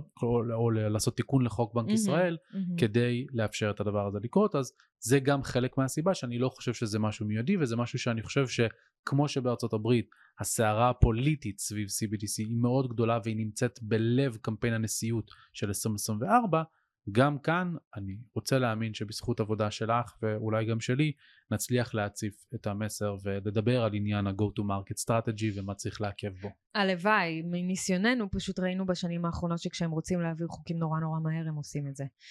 הדרכים מפורטות במסמך מהדרך הקלה אל הקשה. בהתחלה הם מתחילים מאוד מאוד רך ונעים ואומרים שאיך שהם יגרמו לאימוץ של השקל הדיגיטלי זה על ידי זה שהם יעודדו תשלומים ישירים בין אנשים. הם אומרים שימוש נרחב בשקל הדיגיטלי כאמצעי לביצוע תשלומים בין פרטים, בין individuals, יביא לכך שגם בתי עסק יהיה להם תמריץ לכבד אותו. כי אם נאפשר peer to peer אז, גם בתי העסק ירצו. זה חביב. על חוויית השימוש בשקל הדיגיטלי להיות קלה וחיובית, בעלת ממשק נוח, תוך שימוש באמצעי תשלום קיימים ומוכרים, גם סבבה דרך אפליקציות כמו ביט, פייבוקס, מה שאמרתי קודם. הם יאפשרו שזה יהיה שקוף ללקוח כדי שהוא בכלל לא ירגיש שהתשתית משתנה מאחורי הקלעים, אז בשבילו זה קל ונוח, סבבה. הממשלה תהיה הגוף הראשון לדרוש ולקבל תשלומים בשקל הדיגיטלי. קנסות, אגרות, מיסים, קצבאות, החזרים וגם תשלומים ו- ומשכורות למאות אלפי עובדים בסקטור הציבורי. יהפכו להיות... כמעט 50% מכוח העבודה בישראל. תודה רבה. CBDC, המשכורת שלהם תהיה ב-CBDC. תבינו את המשמעות של זה. הם, מתי שהם יחליטו, הם יכולים פשוט להגיד, אוקיי, אתה כבר לא מקבל את זה במזומן לחשבון הבנק שלך, כביכול מזומן, אלא זה CBDC בארנק הדיגיטלי שלך עכשיו. ואם ש... יש לנו עניינים תקציביים, שהוא... אנחנו יכולים גם להגיד לך, אתה חייב, במשכורת, רק במשכורת, לא בכל הארנק הדיגיטלי שלך, אתה חייב להשתמש תוך uh, אה, 12 חודשים, כי אחר כך מתאפס לנו משהו תקציבית במדינה, ואנחנו צריכים לוודא שכל הכסף הזה נוצל. לדוגמה. כן, מה רציתי להגיד? שזה גם יכול להיות גם אותו משקל שציינת בביט ובפייבוקס, ההרגשה של עובדי המדינה תהיה שהם פשוט נכנסים לבנק ורואים את הכסף כן, נכנס. כן. מאחורי הקלעים ארכיטקטוריאלית האופן של התשלום הזה, המבנה שלו, היה מאוד מאוד מאוד שונה. נכון. חובת, השת... פה זה כבר מתחיל להיות יותר אגרסיבי מצד בנק ישראל, חובת השתתפות של בנקים ושל ספקי שירות תשלום, חובת. כאן נכנסת הכפייה של הרגולטור לציות. אם יבחר במסלול הזה, הם לא חייבים לבחור במסלול הזה, אבל הם נותנים אותו כאופציה. אני מצטטת, בנק ישראל עשוי לנקוט מדיניות שתחייב גופים פיננסיים, ובפרט את הבנקים, חברות כרטיסי אשראי וספקי שירותי תשלום מהותיים, לשמש כספקי תשלום במערכת השקל הדיגיטלי ולספק לקוחות שירותי ארנק של שקל דיגיטלי. הם אומרים, בנק ישראל יכול לחייב. בסדר? זה נאמר. אחר כך, זה הדבר לדעתי הכי קשה, חובת השתתפות של בתי עסק. במידה ותידרש, אני מצטטת, הנאה לפעולה של בתי העסק לאמץ את אמצעי התשלום החדש, ייתכן כי המדינה באמצעות הליכי חקיקה תחייב את בתי העסק העומדים בקריטריונים מסוימים לבצע את ההתאמות הנדרשות כדי לאפשר לצרכנים לשלם באמצעות השקל הדיגיטלי. במילים אחרות נחוקק חוקים שיכריחו את העסקים לסחור בשקל הדיגיטלי. לי זה הזכיר את זה שבתקופת הקורונה הממשלה החליטה לתת קנסות לבתי עסק שלא, שהיו בהם לקוחות שלא חבשו מסכה לדוגמה. בית עסק עצמו קיבל קנס. אם לבן אדם לא הייתה מסכה, כאילו הטילו את הקנס על, על בית העסק. או אם הוא הכניס לקוח ואז מה זה עושה? זה יוצר, או ללא תו ירוק, זה יוצר מצב שבו בית העסק, בעל בית העסק, הופך להיות השוטר מטעם הממשלה, הקאפו התורן, שחייב לוודא שבתוך בית העסק שלו מתרחשים חוקים מסוימים כי הממשלה אמרה ככה כי הוא יחטוף את הקנס. כמה מאיתנו היה להם את הסיטואציה הזאת עם בתי עסק, עכשיו, זה היה נורא ואיום. גם פה כדי לאזן, מן הסתם שבעל עסק צריך uh, למנוע ממכות להיות במרחב שלו. למשל, אם יש אלימות, הוא צריך להזמין את רשויות החוק ולעשות את מה שהוא יכול כדי למנוע את זה. זה לא ש... זה אה, עליו, זה לא, זה לא שזה, הוא צריך ל... לא, זה לא שזה אפס או אחד, זאת אומרת, כן. יש דברים שאכן ראוי שבעל בהחלט. עסק יכול כל שביכולתו למנוע בהחלט. במרחב הזה, אבל השאלה שאנחנו שואלים כאן, זה על ציר הדברים האלה, האם בעל עסק צריך להכריח את הלקוחות שלו לשלם לו ב-CBDC או להיות כפוף בדיוק. לחוק לעשות את זה וכך גם על מסכות וכך גם על היבטים נוספים שקשורים בחופש הפרט שלנו בדיוק. אה, אה, בדמוקרטיה. אחת הבדיחות העצובות לדעתי במסמך הזה היא שרגע אחרי שהם כותבים, שכותבי המסמך מגלים לנו שהם עשויים להכריח את הבנקים ואת העסקים להשתמש בשקל הדיגיטלי, החלק הבא במסמך נקרא השיקולים העסקיים של בתי העסק בהחלטה על אימוץ אמצעי תשלום חדש. כאילו שלבתי העסק תהיה אפשרות לבחור ויוכלו לשקול אם לאמץ את השקל הדיגיטלי או לא לאמץ אותו, ברגע שהם יחליטו לחוקק. אוקיי. בחוק ולהשתמש אז בכפייה. אז, אז. גם פה אני אה, עוד פעם אהיה הצד המאזן, בסופו של דבר המסמך הזה מתאר כמה דרכים של go to market strategies, כלומר זה לא בהכרח שיהיה פה הכל, זה לא בהכרח אומר שיהיה פה את כל האופציות, זה גם יהיה תלוי מה ההחלטה רוצה, ובקונטקסט הזה מבחינת מבנה תמריצים כלכליים, אם אנחנו כן לוקחים את כן, ה... כן, אבל אני אומרת, בן, למה בכלל לשים את הדרכים הוולגריות האלה בשביל... אני מסתכלת על זה עוד פעם, בכובע השיווקי שלי. זה הכוח של המדינה, אבל... זה הסמכות שלה. אז זה בדיוק העניין. המדינה... אני מסתכלת על זה בכובע השיווקי. אם אתה רוצה צרכנים שמחים, ו... שמאמינים בך, סומכים עליך, יש trust בינך לבין המדינה, לבין הבנק, לבין בעל העסק. אתה לא יכול לכפות על אנשים דברים, אתה צריך לאפשר להם כל מיני אמצעי תשלום, קחו תבחרו איך אתם רוצים לנהל את הכסף שלכם. ברגע שהדברים הופכים להיות חובה, חוק, אה, כפייה, אה, קנס וכולי, איבדנו את היכולת שלנו לבחור. איבדנו את הכוח נכון. שלנו כצרכנים, איבדנו את הכוח שלנו כאזרחים, איבדנו את הכוח שלנו כבני אדם. והמסמך הזה, אתה, סבבה שאתה מאזן אותי, זה בסדר גמור, אבל המסמך הזה מתאר, הם בעצמם מתארים תרחישים כל כך קיצוניים, שאיכשהו כבר התרגלנו לקבל אותם, שזה בסדר שממשלה תגיד דברים כאלה בכלל, או מוסד כמו הבנק, בנק ישראל, מוסד כזה יגיד דברים כאלה בכלל, יכתוב אותם, ואנחנו נקרא את זה ונגיד, אה אוקיי, כן, זה מותר להם, הם בנק ישראל, או מותר להם, זה הממשלה, הם יכולים לעשות את הדברים האלה. לאן הגענו שהדברים האלה כבר מנורמלים, ואנחנו יכולים לעבור הלאה לסדר היום, בלי לעצור ולהגיד, זה מסמך מזעזע, או אם הממשלה תעשה דבר כזה זה מסוכן. יש נאום מאוד מפורסם של אה, רייגן מתחילת שנות ה-80, נשיא ארצות הברית, שהוא אומר, אה, אה, אני עוד פעם לא זוכר את הציטוט המדויק אז paraphrasing אבל אה, אה, אחד מהמשפטים שאני הכי מפחד מהם הוא אומר זה היי אני מהממשלה ובאתי לעזור לך. רייגן אומר את זה? וואו. רייגן אומר את זה בתור נשיא. וואו, נהדר. אז אה, כן, זה, נכנס לאותה אה, קטגוריה. איפה, איפה הימים שבהם היינו סומכים על, על אנשי כן. הממשלה או הממסד שיעזרו לנו? יש אנשים שעדיין אה, סומכים, אבל. זה מתחבר לאותו ברור, ברור, צנזורה. וכדומה. בואי אה, נגביר קצת הילוך גם אה, מבחינת uh, הזמנים, אני רוצה שתתארי קצת, קצת, על, ל... קצת על Icebreaker אם את רוצה להגיד סבבה. כמה מילים ואז על העולם. אוקיי, אין בעיה. אז פרויקט Icebreaker הוא באמת פרויקט שהושלם uh, לפני מעל חצי שנה בהצלחה בין ישראל, דנמרק ושוודיה, שבעצם מוכיח את היכולת של ישראל ושתי המדינות האחרות בחסות אגב ה-BIS מוכיח את היכולת שלהם להחליף ביניהם, לעשות טרנזקציות uh, חוצות גבולות של מטבעות דיגיטליים של בנקים מרכזיים. Uh, במילים אחרות, זה יכול להיות התחליף לסוויפט. Uh, אפשר באמת להחליף כסף בין מדינות באופן מאוד מהיר, מאוד uh, אפקטיבי, מאוד יעיל. הם הצליחו, הפרויקט עבר בהצלחה, הוכיחו את ההיתכנות, לא זוכרת כמה כסף העבירו בין המדינות, אבל זה, זה עבד. אה, פרויקט Icebreaker קיבל הרבה מאוד אה, חשיפה עולמית על במות אה, מרכזיות, כמעט אין דיבור על זה בישראל. פרויקט סלע הוא עוד פרויקט חשוב של הבנק המרכזי, retail, אה, CBDC אם אני לא טועה.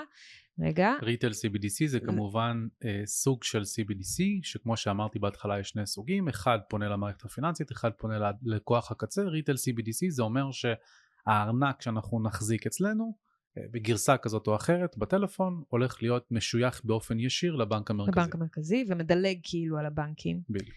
אז סלע זה פרויקט אה, שאנחנו גם הולכים לכנס של בנק ישראל כדי לשמוע עליו אה, בקרוב. לדעתי uh, הפרק מתפרסם ביום של הכנס וואלה, או אחד אחריו. מעניין. עם הונג קונג וה-BIS, עוד פרויקט שהושלם בהצלחה ואנחנו נראה את התוצאות שלו עוד כמה ימים בכנס uh, של בנק ישראל ופרויקט עדן קשור בקטנה יותר, הוא פרויקט uh, של אגרת החוב הדיגיטלית הראשונה שמבוססת על תשתית בלוקצ'יין uh, בהלימה לשקל הדיגיטלי. זה עוד פרויקט שמשרד האוצר והרשות לניירות ערך, נכון? בורסת תל אביב. בורסת תל אביב.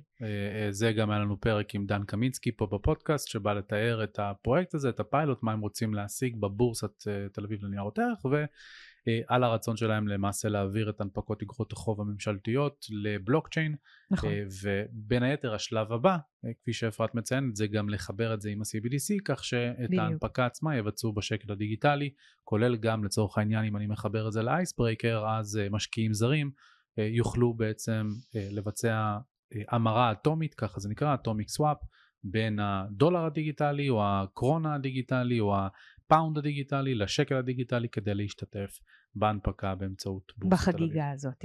בדיוק. אה, אז מעבר לפרויקטים המוצלחים שישראל עושה בחסות אה, הבנק להסדרים בינלאומיים, ה-BIS, אה, אותו BIS עושה עוד המון המון פרויקטים כאלה עם עוד בנקים מרכזיים בעולם במדינות אחרות. פרויקט שכדאי אולי להזכיר את שמו זה אמברידג', זה פרויקט גם כן מין תחלופה לסוויפט, ומה שמעניין בפרויקט הזה שהוא wholesale CBDC, זאת אומרת הוא סיטונאי בין בנקים מרכזיים להחליף CBDC. בין בנקים. בין בנקים. בנקים וחברות ג- פינטק. לא, היו שם גם בנקים מרכזיים לא, ברור. וגם בנקים. הבנקים המרכזיים הם עמוד התווך, אבל מהמם. ה-wholesale CBDC מבחינת הקמעונאות בין מגיע בנקים ל- ולא לצרכן הסופי, כן. בדיוק. אה, אז אמברידג' הוא ממש יכול להיות אה, תחליף לסוויפט. אה, מה שמעניין זה שהשתתפו בפרויקט הזה 20 בנקים ו- וגופים רגולטוריים מהונג קונג, סין, תאילנד, יונייטד ערב אמירייטס. שזה הרבה, ועוד כל מיני ארצות שהרבה מהן שייכות לגוש הבריקס, שהוא לא בהגמוניה האמריקאית השולטת בעולם היום עם הפטרו דולר, עם ה-US דולר, אלא הם עובדים עם מן הסתם אה, אה, מטבעות אחרים, ופה לי זה, אותי זה עניין בכל אופן לראות איך ה-BIS הוא כאילו, אתה יודע, הוא האח הגדול, הוא עוזר לכולם. אנחנו מראים לכל המדינות איך הן יכולות להשתתף בפרויקטים האלה של ה-CBDC, בין אם אתם שייכים להגמוניה הזאת או לא, Mhm. יצאת, אתם רוסיה וסין, אתם זה, כולם משתתפים. רוסיה כבר יש לה פיילוט, סין יש לה פיילוט, ניגריה אה, יש לה פיילוט, תאילנד עכשיו בפנים, אה, ישראל עם פרויקטים מוצלחים. יש בערך 11 מדינות שכבר יש להם פיילוטים רצים בחוץ, ועוד משהו כמו 110 מדינות שעושות את הצעדים הראשונים שלהם לתוך... שלב אה, פיתוח ומחקר. בדיוק, לתוך ה-CBDC. אה, אולי נגיד מילה, IMF אגב, אה, IMF זה ה-International Monetary Fund, איך קוראים לזה? קרן המטבע קרן המטבע העולמית. העולמית, הכריזה גם לאחרונה שהיא נכנסת לתוך החגיגה הזאת כדי לבדוק בעצמה איך עובד ה-CBDC טוב בין מדינות, כי האינטרס שלהם זה שכולם וגוש היורו הוא המ- מהמתקדמים ביותר. בדיוק, ה-ECB, כן. ה-European Central Bank, אה, עם קריסטין, אה, וואו, אנשים חייבים ללכת לראות את הריאיון המעולה של שני בלוגרים שהתחזו לראש, אה, לזלנסקי. זלנסקי האוקראיני, שהוא כאילו מראיין אותה, הוא כאילו התקשר אליה לקבל עצה. לקריסטין, אה, שכחתי שם המשפחה שלה. קריסטין לגארד. לגארד.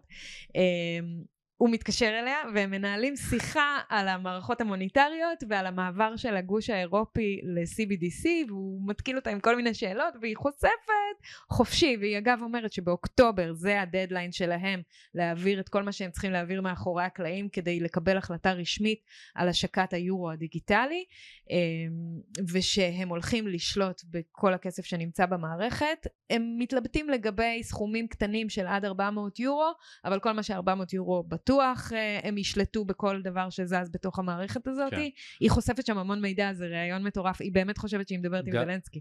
גם לזה אנחנו נדאג שיהיה לינק בתיאור. הפרק כדי שתוכלו לצ- לצאת למסע העצמאי שלכם. אני כן אגיד איזושהי מילה במיוחד בקונטקסט של wholesale CBDC ושל global CBDC, זאת אומרת על הסינרגיה הגלובלית של פרויקטים כמו אייסברייקר ומה שמאפשרים. חשוב כן להדגיש שעל פניו, אם אני מנטרל את הדברים שציי... שהתחלנו איתם את הפרק ואני מסתכל על זה בצורה אובייקטיבית על הארכיטקטורה של המערכת המוניטרית כיום, לעומת הארכיטקטורת CBDC, היא אכן יכולה להציף הרבה מאוד ערך על ידי זה שהיא חוסכת עלויות, מגבירה מהירות, פותרת הרבה מאוד בעיות שאנחנו עדיין מתמודדים מולם, כמו לצורך העניין העברה בנקאית. כן, שלוקחת שלוקחת שלושה שלושה ימי ימים, עסקים. ארבעה ימים. יש כן. לזה לא מעט פלוסים, כולל חיתוך מתווכים והצפת ערך כן, אבל גם ביטקוין הוא. מיידי, הלו. נכון, אבל אה, אה, כן.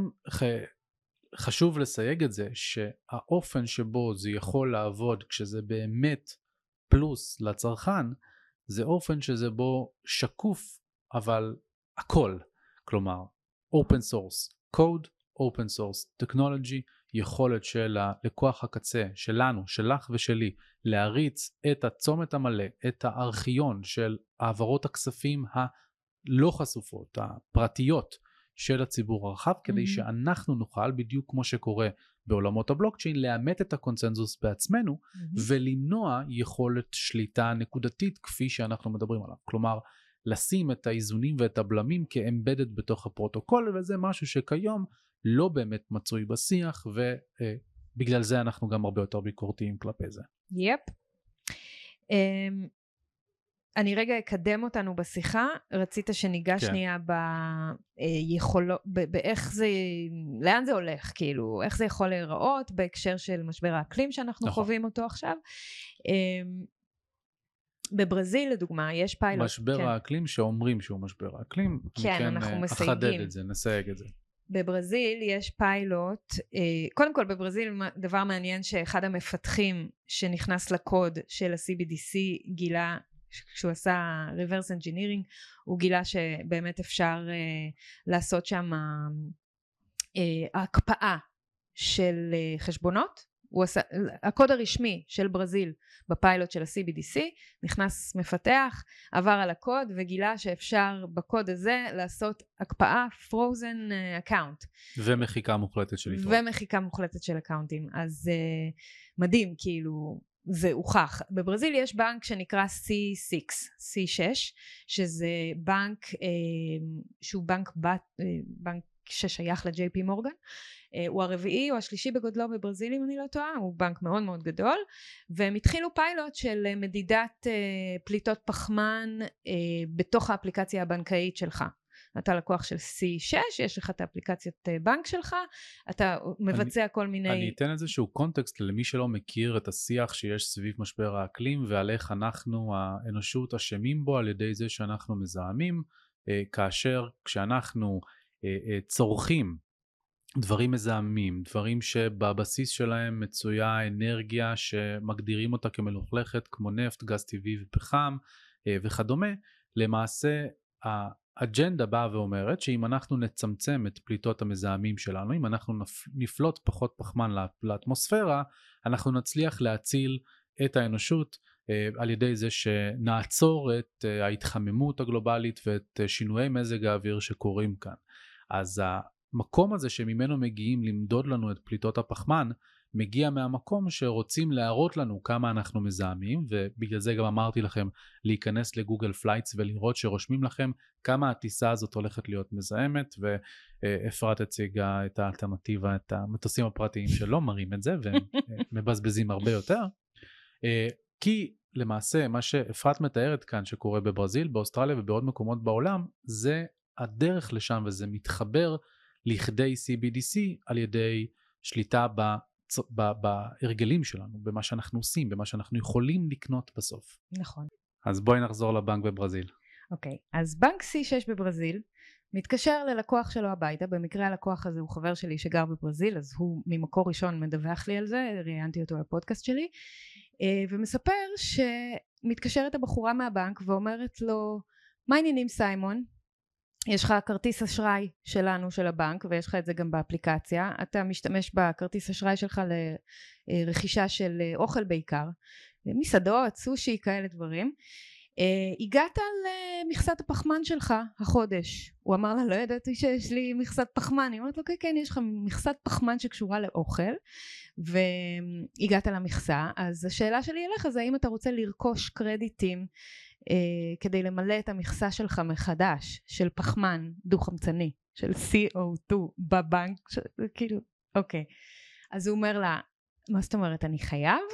כדי להמשיך להשתמש בכרטיס אשראי שלי אני צריך לרכוש את המכסה הזאתי אז היא אמרה לו כרגע זה לא חובה כרגע זה לא חובה זה עדיין ניסיוני אבל uh, בהמשך uh, זה יכול להיות אבל אני מציעה לך את האפשרות לרכוש בכסף את uh, מכסת הפחמן כדי שתוכל להמשיך לרכוש בשמחה ולדעת שאתה לא uh, הורס את כדור הארץ. אז הוא אמר לה F אוף ו... וכמובן לא רכש כלום אבל מה שזה בא להראות לנו זה שהפיילוטים האלה מתרחשים הם אמיתיים והדבר הדומה לדבר הזה קורה גם באוסטרליה, בבנקים הגדולים, commonwealth bank, ANZ bank, לכו תבדקו אותי, הם כבר מכניסים לתוך האפליקציות הבנקאיות שלהם את מדידות הפחמן. אנחנו הולכים לראות יותר ויותר בחיי היומיום שלנו את הטקטיקה הזאת מוכלת עלינו, בין אם זה בצריכה של דברים, בין אם זה בסתם להסתכל על אה, דברים מסוימים שקורים בעולם, ותמיד שה... אפילו היום נכנסתי לוויקיפדיה, חיפשתי מידע על ניגריה, כתוב שם כמה פחמן ניגריה פולטת. כאילו כל דבר, כמה פחמן נפלט מהגוף או הישות או המוצר או הרכישה של הדבר הזה. בניו יורק יש לנו כבר ראש עיר שהכניס פנימה בפיילוט יחד עם American Express אה, ניטור ובקרה על רכישות של אוכל של תושבי ניו יורק, יש להם dashboard מיוחד אתם יכולים ללכת לראות אותו, אה, למדינת ניו יורק, להראות, ולעיר ניו יורק, להראות מה ההתפלגות של פליטות הפחמן של ניו יורק, בין אם זה רכישת בגדים, בנייה של בניינים, אה, טיסות, תחבורה, כל מיני דברים כאלה, כדי להבין איפה אנחנו עומדים בסקאלה, קצת דומה לדשבורדים שהיה לנו בקורונה, שאנחנו כל הזמן בודקים אה, על ידי דאטה, מה, וזה המדע כמובן, אה, כמה אנחנו מזהמים, mm-hmm. ושימו לב, המגמה פה היא, שהכל על, על, על האזרח הקטן, זאת אומרת, אני עדיין לא ראינו את הדברים האלה קורים בקנה מידה, מידה כזה בכל אופן על תאגידים גדולים כן. שמזהמים, לרוב אנחנו רואים את ההתפתחויות האלה קורות בסקאלה של ערים, קהילות, בתי עסק, אה, כל מיני יוזמות אה, צרכניות כאלה ואחרות כמו רכישת טיסות נתת את הדוגמה. אז, אז זה קורה גם בתאגידים אה, לצורך העניין. ESG. ה-ESG 아, בדיוק, אוקיי. מדיניות ESG מכילה הרבה מאוד מהדברים האלה בדרכים נכון. עקיפות של כל מיני בדיוק. מדדים שעל מנת לגייס כסף או... אה, אה, או, או אפילו או רק לפעול... לקבל טובה מהמשקיעים. ש... בדיוק, בדיוק, אז זה, זה מוכל גם ככה לצורך העניין, אתם יכולים לזהם את האוקיינוס בצד אחד של העולם, וזה יוריד לכם קרדיטים של פליטות ומזהמים ואוי אוי אוי אוי, אבל אם תקנו או תשקיעו בחברה ששותלת עצים בברזיל, באמזונס, אז זה בעצם ייתן לכם קרדיטים חיוביים ותוכלו בסוף החודש להישאר מאוזנים. כלומר הכיוון שלעברו אנחנו הולכים או שהם חותרים שנלך לשם אם אנחנו לא נציף את זה לשיח הציבורי ונדבר על הדברים האלה זה במסגרת של אה, לכל אינדיבידואל ולכל חברה הולך להיות מכסה של כמה מותר לנו לזהם ואם אתם תחליטו שאתם אוכלים בשר שלוש פעמים בשבוע, זה אומר כנראה בסוף החודש שלא תוכלו לטוס לחו"ל, אה, או להזמין את הטיסה שלכם, כי ייגמרו לכם הקרדיטים. עכשיו, הדברים האלה שאתה אומר, כאילו עשויים להישמע כמו קונספירציה למישהו, אבל אם תלכו לאתר של הפורום הכלכלי העולמי, ה-WEF, ותחפשו שם את המסמכים שמסבירים על personal carbon allowance, זה נקרא, אה, מכסת פחמן אישית, שזה תוכנית שמריצה, אה, מריץ הפורום הכלכלי העולמי. אתם תראו את כל הדברים שבן אומר עכשיו, ש, שיהיה מכסה של אוכל, ויהיה מכסה של טיסות, ויהיה כל מיני דברים כאלה. חד משמעית, ואני חושב שזה היה בכיר בעליבאבא, שגם כן רואים אותו ב, באותו כנס בפורום הכלכלי העולמי, אני חושב שזה היה 2022 ולא 2023 בדאבוס. אה, שהוא אומר במפורש, ופה אני עושה את החיבור ל-CBDC, ש-CBDC זה הכלי האולטימטיבי שיאפשר להם למדוד את זה בצורה פרטנית עד לרמת לקוח הקצה ועד רמת הפלאפל או השווארמה שהוא קונה ב... רמת האמבה. בדיוק. ו... אותי באופן אישי זה מאוד מאוד מטריד ואני יודע שמן הסתם גם אותך כי אנחנו אה, רגילים להסתכל על מדינות כמו סין ולהגיד מדובר פה בדיקטטורה מוחלטת ולא רק שהיא דיקטטורה מוחלטת אלא היא גם מכילה אה, דבר שנקרא מערכת דירוג חברתית כן. שלמעשה בסין מעודדים היום אה, מה מותר לאזרח לעשות ומה אסור לו לעשות על ידי זה שיש לו דירוג ובדירוג הזה אם לצורך העניין הוא ביצע עבירה פלילית כמו לגנוב מחנות או משהו מהסגנון הזה מן הסתם שיורד לו הדירוג בצורה משמעותית. אם הוא לא עמד בהלוואות שלו ירד לו הדירוג בצורה משמעותית. אם הוא דיבר נגד הממשל ירד לו הדירוג בצורה משמעותית. ומהצד השני ניתן להשתמש בדירוג הזה כמערכת תמריצים כדי להפוך את האזרחים לאזרחים טובים יותר חברתית למכלול אה, שזו שפה טרמינולוגיה קומוניסטית לחלוטין והמערכת זה... הזו גם עושה אינסנטיב ונותנת תמריצים בדיוק, למישהו טוב יותר. בדיוק, על ידי התמריצים החיוביים. וככל שאנחנו מחברים את זה בעצם למה שמגדירים אותו בתור משבר האקלים, ששוב הם אומרים במפורש שהם שולטים במדע שמגדיר לנו האם זה משבר או לא, ומכאן גם הם מתווים את המדיניות על בסיס אותו מדע, אז הם למעשה באים ואומרים שזאת תהיה המערכת הדירוג החברתית של המערב, כי הם לא יכולים לבוא ולהגיד, אנחנו נכיל לכם, נכיל עליכם מערכת דירוג. אנחנו, הם לא יכולים, הם יודעים שזה לא יעבור טוב, כי אני רוצה להאמין שהיום אה, מספיק אזרחים עדיין יודעים מה אמורה להיות דמוקרטיה. הרי אצלנו אומרים את זה בקטע של אה, בדיחה, כאילו, בישראל נגיד דמוקרטיה, אז כשמישהו רוצה להגיד אה, מה זה סין פה, בדיוק. אנחנו מדברים על זה כבדיחה, אז- אבל אנשים לא יודעים שאותו יושב ראש של הפורום הכלכלי העולמי, אדון קלאוס שוואב, בעצמו אומר שסין היא ה blueprint מבחינתו, ה blueprint הכוונה המודל. הוא מתנהל ומנסה לחקות את התפיסה או הרעיונות שממומשים בסין על מנת להשליט את מה שהוא קורא לו ה-fourth industrial revolution, המהפכה התעשייתית הרביעית, שבעצם תביא אותנו למציאות שבה כמעט כל דבר במרחב האורבני הוא מנוטר, יש מצלמות בכל מקום שמאפשרות כמובן את התפיסה של מה מתרחש במרחב על מנת לדעת האם יש שם פליטות פחמן, האם יש שם מעשים לא נכונים, האם יש שם דברים שצריכים להוריד לאנשים ניקוד או לא. אה, כמובן הם גם ימנעו פשע על הדרך ועל הדרך יעשו גם כמה דברים טובים, אבל זה שאנחנו נחיה את החיים שלנו תחת 24/7 מעקב ושליטה של הממסד על כל פיפס שאנחנו עושים, כבר אין לנו פרטיות במרחב הציבורי בשום מקום, מהמם. זה כבר מתחיל להדאיג. ואני מסכימה איתך לגמרי שאם בסין אפשר להגיד באופן חופשי, יש לנו מערכת דירוג חברתי, ואנשים יגידו, אוקיי, זו המציאות, זה נורמלי. אגב, יש לי סרט מעולה של uh, NBC.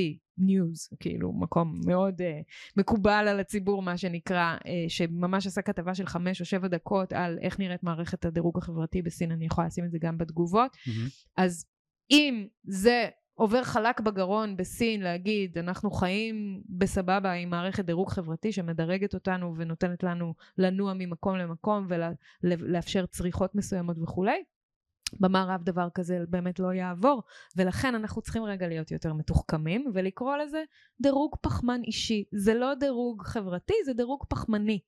אז עכשיו יש לנו פה את הדירוג הפחמני וכל אחד ידורג לפי ההתנהגות שלו והצריכה שלו בהתאם ל... איך הוא מזיק או לא מזיק לכדור הארץ, ובהתאם לזה, וכמובן צריך להיות סולידריים, אז כולם צריכים להשתתף במשחק הזה, ובתוך המשחק הזה, before we know it, בא הבנק המרכזי ומכניס לנו CBDC, ופתאום אנחנו מגלים שבגלל שיש לנו דירוג, וכל הזמן יודעים איזה פעולות אנחנו עושים, ועכשיו חוק האקלים עבר, לדוגמה, ובחוק האקלים אומרים שאסור לנו לעשות יותר מ-X פליטות פחמן בחודש, כל אזרח, אז בחוק יכול להיות גם כתוב שביום שיהיה מטבע דיגיטלי אפשר יהיה בעזרת המטבע גם לאכוף את התקנה הזאת או כן. את החוק הזה. ונדבך נוסף שאני אוסיף לזה לפני שאנחנו נותנים פה את מילות הסיכום זה גם את ההיבט שאני חושב שהיום כשאנחנו כבר uh, מספיק זמן אחרי וזה כבר לא נמצא בלב השיח הציבורי כפי שזה היה באותה עת אבל ככל שאנחנו מסתכלים על מה ש... הוגדר בצורה שיווקית כתו ירוק אה, אה, שלפיו לבאמת איך שלא תסתכלו על זה וזה בסדר לא להסכים איתי על אף שמן הסתם לכל אחד יש את הדעות שלו בסופו של דבר כפו על האוכלוסייה אה, להשתתף באותו ניסוי שביבי בעצמו אמר שהוא ניסוי אלברט בורבה מנכ"ל פייזר אמר שזה ניסוי אני לא אמרתי את זה אמרו שזה אנחנו מדינת אבל- הניסוי. אבל כפו על הציבור להשתתף בזה, כפו על העסקים לאכוף את זה כן. נכון. ולהיסגר ולכל הדברים האלה, ועכשיו על אותו משקל שאנחנו מדברים על דירוג פחמן אישי, מדברים על דרכוני חיסונים דיגיטליים.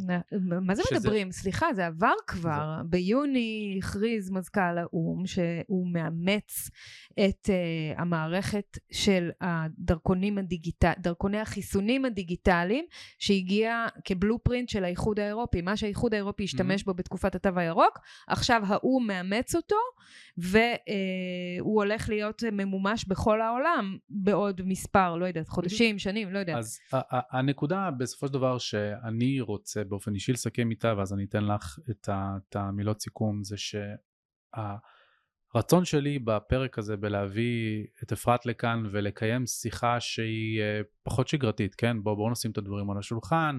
עד עכשיו אה, בפודקאסט אנחנו פחות דיברנו על הזוויות השליליות האדוקות האלה, שאני יכול לומר עבורי הן הסיבה מהמרכזיות ביותר שבעקבותן אני ביטקוינר.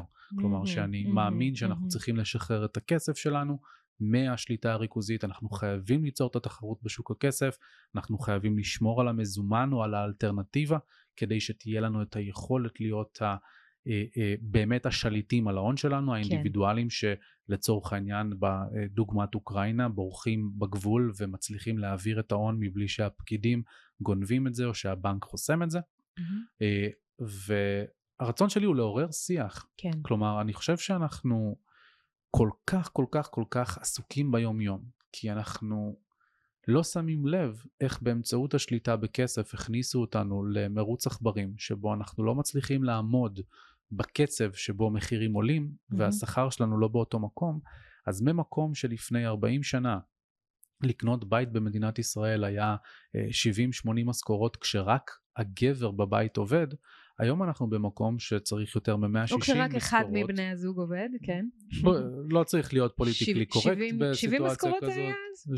70-80 משכורות, mm-hmm. והיום זה פי שתיים מזה, פלוס, והיום שני ההורים עובדים, וכל מה שהוא מקומי, שזה הבריאות והחינוך ומה שאתה לא יכול לעשות לו outsource לחו"ל במוצרים ובשירותים שלך mm-hmm. יתייקר פי כמה וכמה וכמה ממה שמנסים לייצג לנו במדד שלכאורה אמור להיות אובייקטיבי כמו מדד המחירים לצרכן וכתוצאה אנחנו מאוד מאוד אינסטנטים גם בקשב אנחנו קוראים את הכותרת ואנחנו אומרים אה כותרת בסדר הבנתי זה מה שקרה mm-hmm. אנחנו לא יורדים לעומק, אה, כן. הם, נאמר לנו במפורש בתקשורת שאנחנו צריכים לסמוך אך ורק על מה שאומרים לנו בתקשורת, כלומר אז גם האלמנט הזה של we say the truth, we are the truth, you only need to believe us, האמת מגיעה כן. מאיתנו, וככה גם השליטה במה נמצא בשיח הציבורי, גורמים לכך שאנחנו לא שמים לב, אנחנו רק מסיימים את היום, רוצים אה, להדליק את החדשות כדי לצרוך עוד קצת מאותה אה, אה,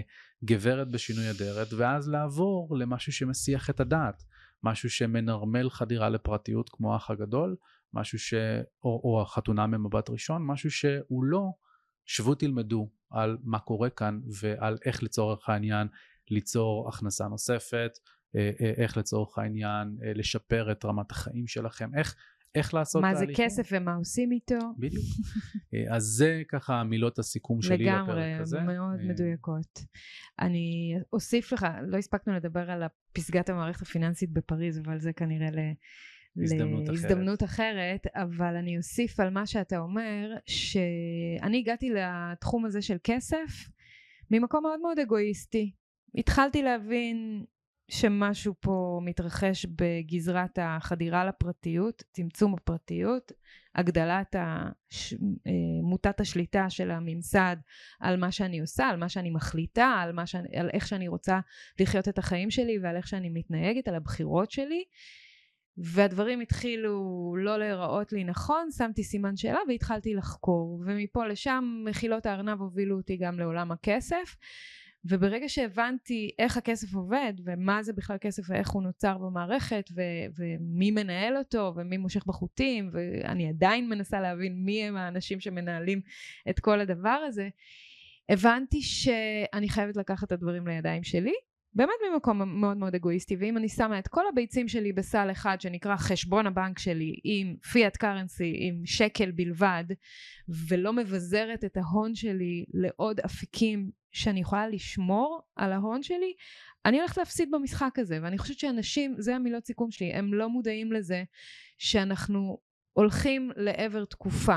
אני לא יודעת מתי זה יקרה, מוקדם, מאוחר, כמה חמור זה יהיה, אני לא יודעת, אבל אני כן יודעת ששינויים במערכת הכלכלית והמוניטרית שאנחנו מכירים אותם עד היום הולכים לקרות בטוח, זה רק שאלה של מתי. ואם זה מה שמופיע בפתחנו וזה מה שהולך לקרות, איך אנחנו נערכים לזה? כל אחד בגזרה הפרטית הקטנה שלו. איך אנחנו מסוגלים לוודא שכל מה שעבדנו כל כך קשה, כל כך הרבה שנים עבורו, בין אם אנחנו צעירים, בין אם אנחנו מבוגרים, אנחנו גם רוצים להבטיח את העתיד שלנו או של הילדים שלנו, איך אנחנו מוודאים שהדבר הזה לא הולך לפח ביום ששינויים כאלה ואחרים יתרחשו פה, ולכן באתי לזה ממקום אגואיסטי, למדתי את החומר, הבנתי את ה... אני, אני עדיין לומדת כל הזמן, כן? אני עוד לא יודעת הכל, אבל אני גם לא, לא חושבת שאני אדע הכל, אבל ה, ה, מה שנקרא לוח המשחק ברור לי עכשיו, אני יכולה להתחיל לעשות מהלכים, ובתוך הלוח משחק הזה אני יודעת לשים חלק מהכסף שלי בביטקוין, וחלק מהכסף שלי בזהב, וחלק מהכסף שלי בנדל"ן, וחלק מהכסף שלי להשאיר לבנק כי אני עדיין אצטרך לדברים כאלה ואחרים, אבל אני כבר יותר מושכלת ואינטליגנטית לגבי מה אני עושה עם ההון שלי ואיך אני מבטיחה איזושהי יציבות לעצמי כן. ולמשפחה שלי וזה מוביל אותנו אני חושבת חזרה לתחילת הפרק שאמרנו אה, אה, בחירה מדעת בואו לאמסטרדם ונשכח מכל הצרות של העולם. אה, גם אבל גם בחירה מדעת, הסכמה מדעת. אם אני יודעת, אם יש לי את הידע, את האינפורמציה, את המידע לגבי עולם הכסף ולגבי איך לנהל את ההון שלי בתוך העולם הזה, אני יותר רגועה, אני יודעת איך להכין את עצמי לבאות, הבאות יכולות להיות קשות, יכולות להיות קלות, אבל אני מוכנה למה חד, שלא הולך להגיע. חד חד חד משמעית, כן. ובאמת, אפרופו מידע, אה, אז מעבר לזה שאם אתם עוד לא עוקבים, עוקבים אחרי Crypto Jungle ומדברים קריפטו, אתם לחלוטין צריכים לעקוב אחרי אפרת, שפועלת בהרבה הרבה ערוצים, גם בטוויטר, גם בפייסבוק, גם בטלגרם, Substack, טלגרם, וואטסאפ, כן. אז יהיו לכם לינקים. אפרופו Bitcoin Amsterdam, כנס הביטקוין הגדול באירופה, נותרו שלושה או ארבעה מקומות נכון, אחרונים. נכון. יש משלחת מכובדת של יותר מ-15 או אפילו 17 כבר אנשים שנוסעת. נשמח שאתה... וצלם משלחת יש לנו צלם גם. צלם משלחת, אה, רוצים לעשות גם חולצות שאנחנו צריכים לדבר על זה מיד אחרי.